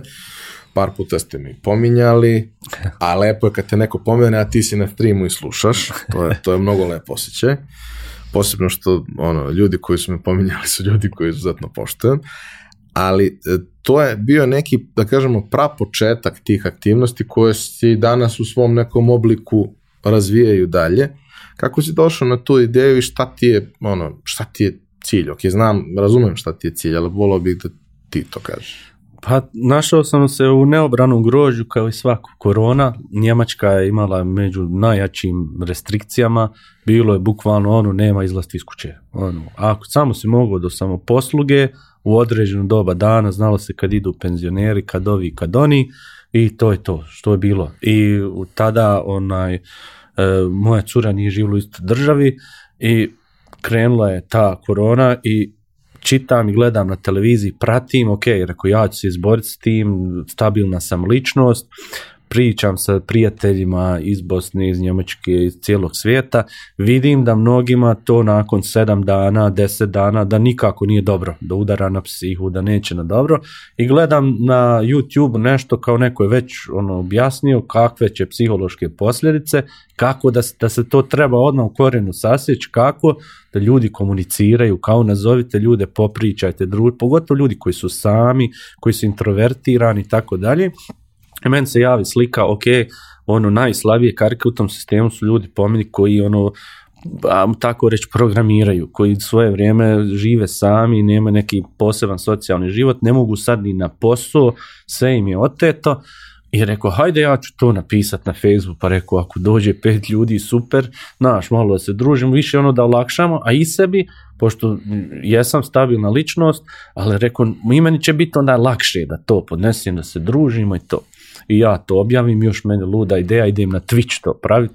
Većina ljudi koji su kasnije dolazili veze nemaju šta je Twitch, čemu služi, ali ipak su došli. I došao ja na taj prvi stream 30 ljudi. O, rekao, vidio, za 30 ljudi uopšte interesuje SEO na našem jeziku. T, t, t, tri dana kasnije, 4, 200, 300, rekao, ljudi, ja sam moram ono se nisam ja mislio praviti, razumiješ, ništa za, ono, za raju, ja mislio ono, za frkavac, se, ono, ne, da ću ja to sad snimat negdje, kačit, kakav YouTube, nije bio mi ideja da ja budem YouTuber, ja inače ne želim to, razumiješ, ja u tom domenu digitalnog marketinga, drago mi je da se zna ko je Nedim Šabić, ali nemoj da budem neka ličnost, ne želim biti ni guru, ni savjetnik, ni youtuber, ali ljudi su ono, a, u divno, pa se pridruži. I upravo se desilo to. Bili su još Damir i Nezir koji su tu bili.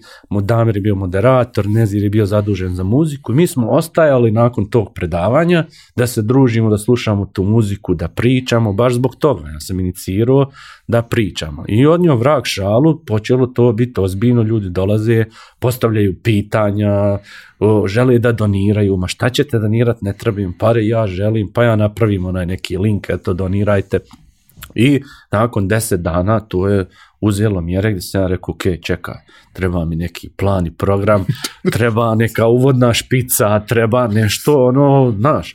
I onda sam streamo na početku, uživo, nakon Twitcha i na YouTube i na Facebook i onda smo ostali samo na Twitchu, uveli neke subskripcije jer je bilo toliko pitanja, da sam morao nekako fil, filtrirati ljude, pa rekao evo vi što plaćenik prvi pitaju, pa ćemo ove ostale da ima neki prioritet. Nikakvi nema, nije bilo namjera da se tu nešto zaradi, nego jednostavno da se družimo. Kad sam vidio koliko ljudi to želi i kad sam, kad sam me zamolili da stavi na YouTube, pa je aktivirao kanal koji šest godina nisam koristio i vidio koliko ljudi to pogledalo dan poslije, ja ono, kad sam vidio hiljadu ljudi, to mislim da hiljadu ljudi interesuje SEO na Balkanu, to je meni bilo da mi neko rekao, prijatelj rekao ti si lud, ne valja te tvoje prognoze. Ja mislim sad da sam negdje blizu 5000 subscribera na YouTube, meni i dalje nije jasno ko su ti toliki ljudi da to interesuje ljude.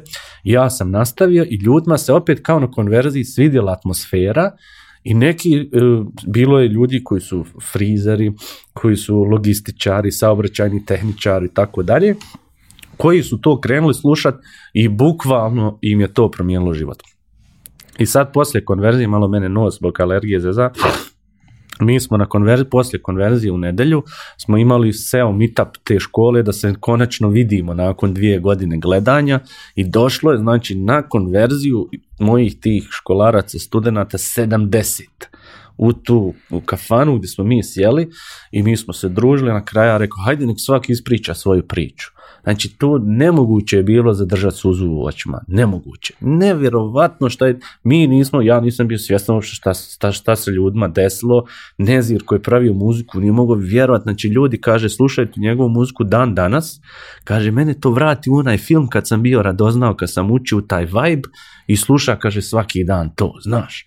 I Damir koji je njima tamo samo bio neki nik, kad ga vidjeli uživo, on je onako alternativa, lik, visok, duga kosa, naučali šešir, sa sav šaren obučen, mi ga tako zamišljali, pa ono vidi, jo, vidi Damira i taj segment humora i sve nekakvi dobri, fini ljudi koji se tu nakače. Meni je srce bilo puno, jer napravio sam ono što sam htio, spasio ljude, bila jedina jedna jedina riječ bila zabranjena, to je korona. Znači na čatu kad napišeš korona, budeš banovan.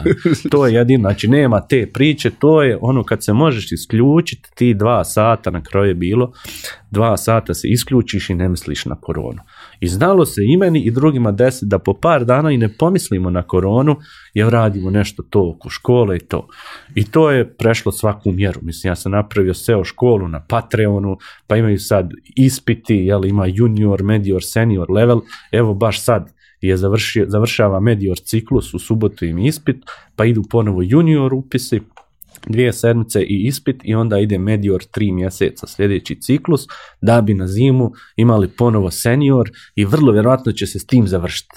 Ono, ta sva škola u tom smiju smo, to će se morati u neki kurs pretvoriti, jer sam sve nasnimao i ja često govorim ljudima kad me pitaju sad po kvalitetu sadržaja, ja lično nisam vidio ni na engleskom jeziku da ima tako to iznešene sve te teme transparentno da se pokažu na primjerima i sad kad su pričali ovi u nedelju, gdje su se zaposlili i šta rade klinci od 19 godina, on će sa 16 krenuo slušat, za 19 samo je učio školu moju, a ne onu koju treba u školi i nije ganju curice, nego ono, zadao se u sve, radi za američke poznate firme, i ja nisam mogao vjerovati, ono, šta se tu zapravo desilo i taj vibe jednostavno nosi. Oni su onda go preporučivali jednim drugima ljudima koji nemaju veze ni sa informatikom, pa su tu dolazili, pokušali, neki su i uspjeli i to je stvar, eto, kad misliš dobro, vratiti se dobro, jeli, i onda se morao to organizovati u neki taj dio i tako je nastao Patreon. I Patreon taj sam ja upoznao možda sedam dana prije što sam ga primijenio ode reku proba da vidim, ono opet s tom ko će to plaćat, kad čim staviš neki dolar, čim se nešto mora platit, odustaće ljudi, ne, znači nenormalno, ja imam najviše problem, ja korigujem onaj ručno te sve radove, zadajem audite koji su praktični i želim kad neko dobije taj certifikat da zna se da je on iz školi, da stojim iza toga, da on zaista ima taj level i sve provjeravam, super sam strog, na to se stalno žale, ali to je to da ne može, to su ti par odabrani, koji su se potrudili tako dalje. I mnogi su tu rekli, ona nisam stigao ni završiti certifikat jer sam već dobio posao. Jedan je otvorio SEO agenciju, ono neverovatno jednostavno jedna priča koja ono daje nadu u, ljudski rod, bakar u, u mojoj ovoj perspektivi. Ponosan sam na to zaista i e, eto, drago mi je da, da SEO konačno na Balkanu dobio mjesto koje po meni i zaslužuje, jer ja uvijek kažem kad uđem u neki e-commerce, neki web shop, ako SEO nije kanal broj jedan prodaje, tu nešto nije u redu.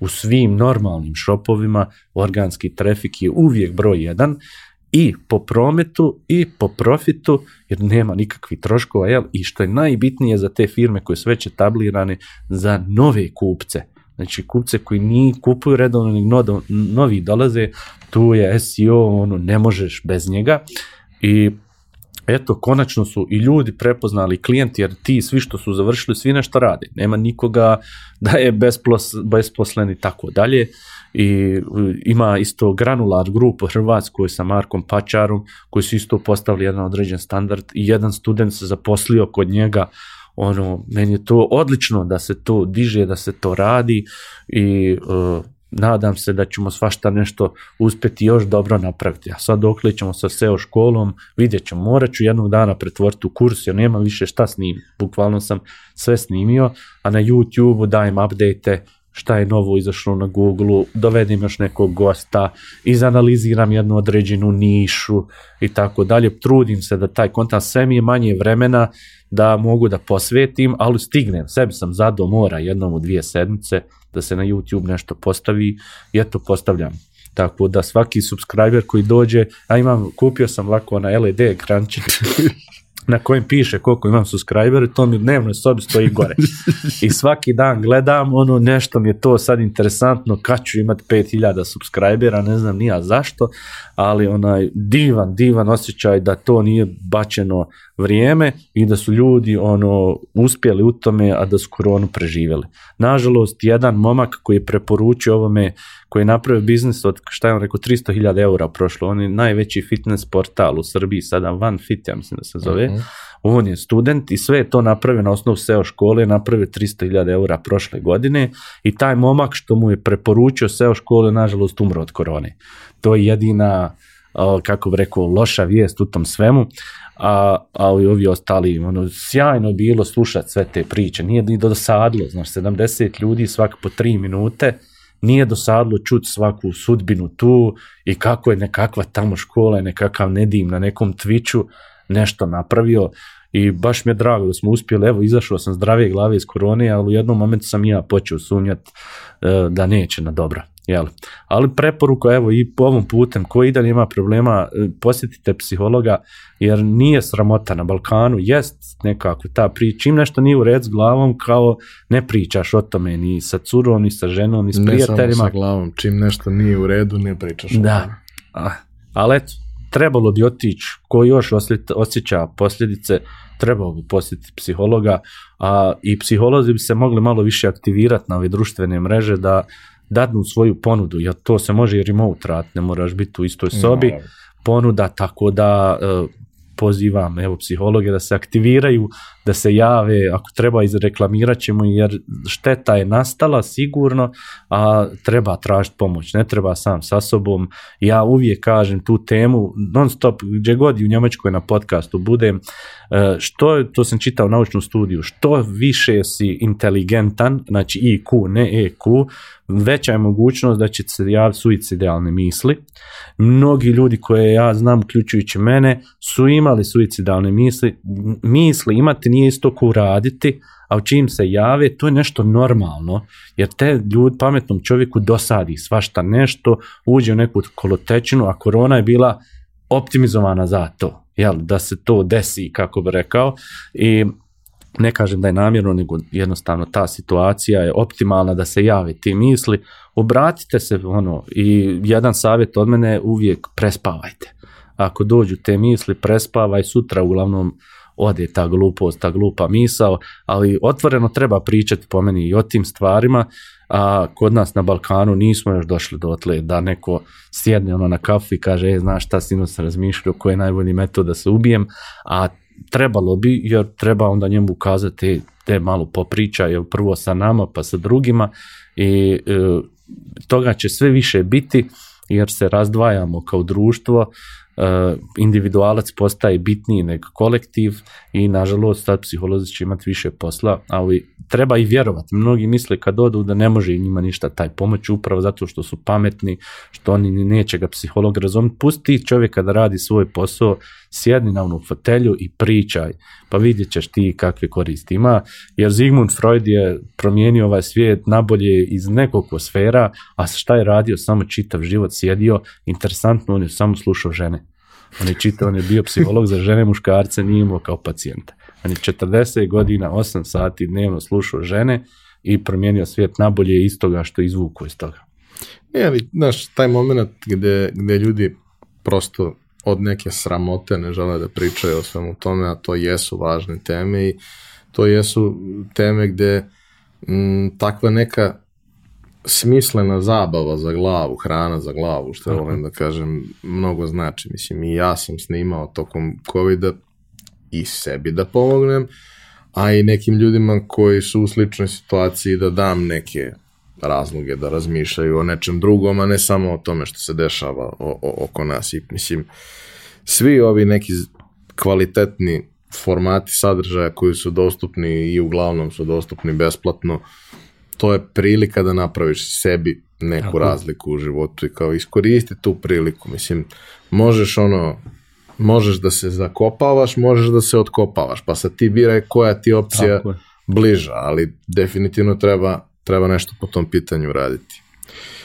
Šabiću, bilo mi je zadovoljstvo što si mi bio gost. I mene. Bićeš mi opet gost, ali o tom potom. Ispričali smo neke stvari iz tvog života, neke stvari koje su meni bile važne da ti kažeš, a čini mi se iz onoga kako si ih pričao i s koliko emocije da su i tebi bile važne da ih ispričaš. Um, nadam se da je vama svima ovo bilo interesantno, zanimljivo i korisno sva pitanja koje eventualno imate, napišite u komentarima na youtube doći će Nedim pogledat će, podsjetit ću ga i ja ako treba, ali u principu ono, možete pitati i stvari koje su vezane za SEO, naravno, ali možete pitati i sve ostalo što ste negde pokupili kroz njegovu životnu priču.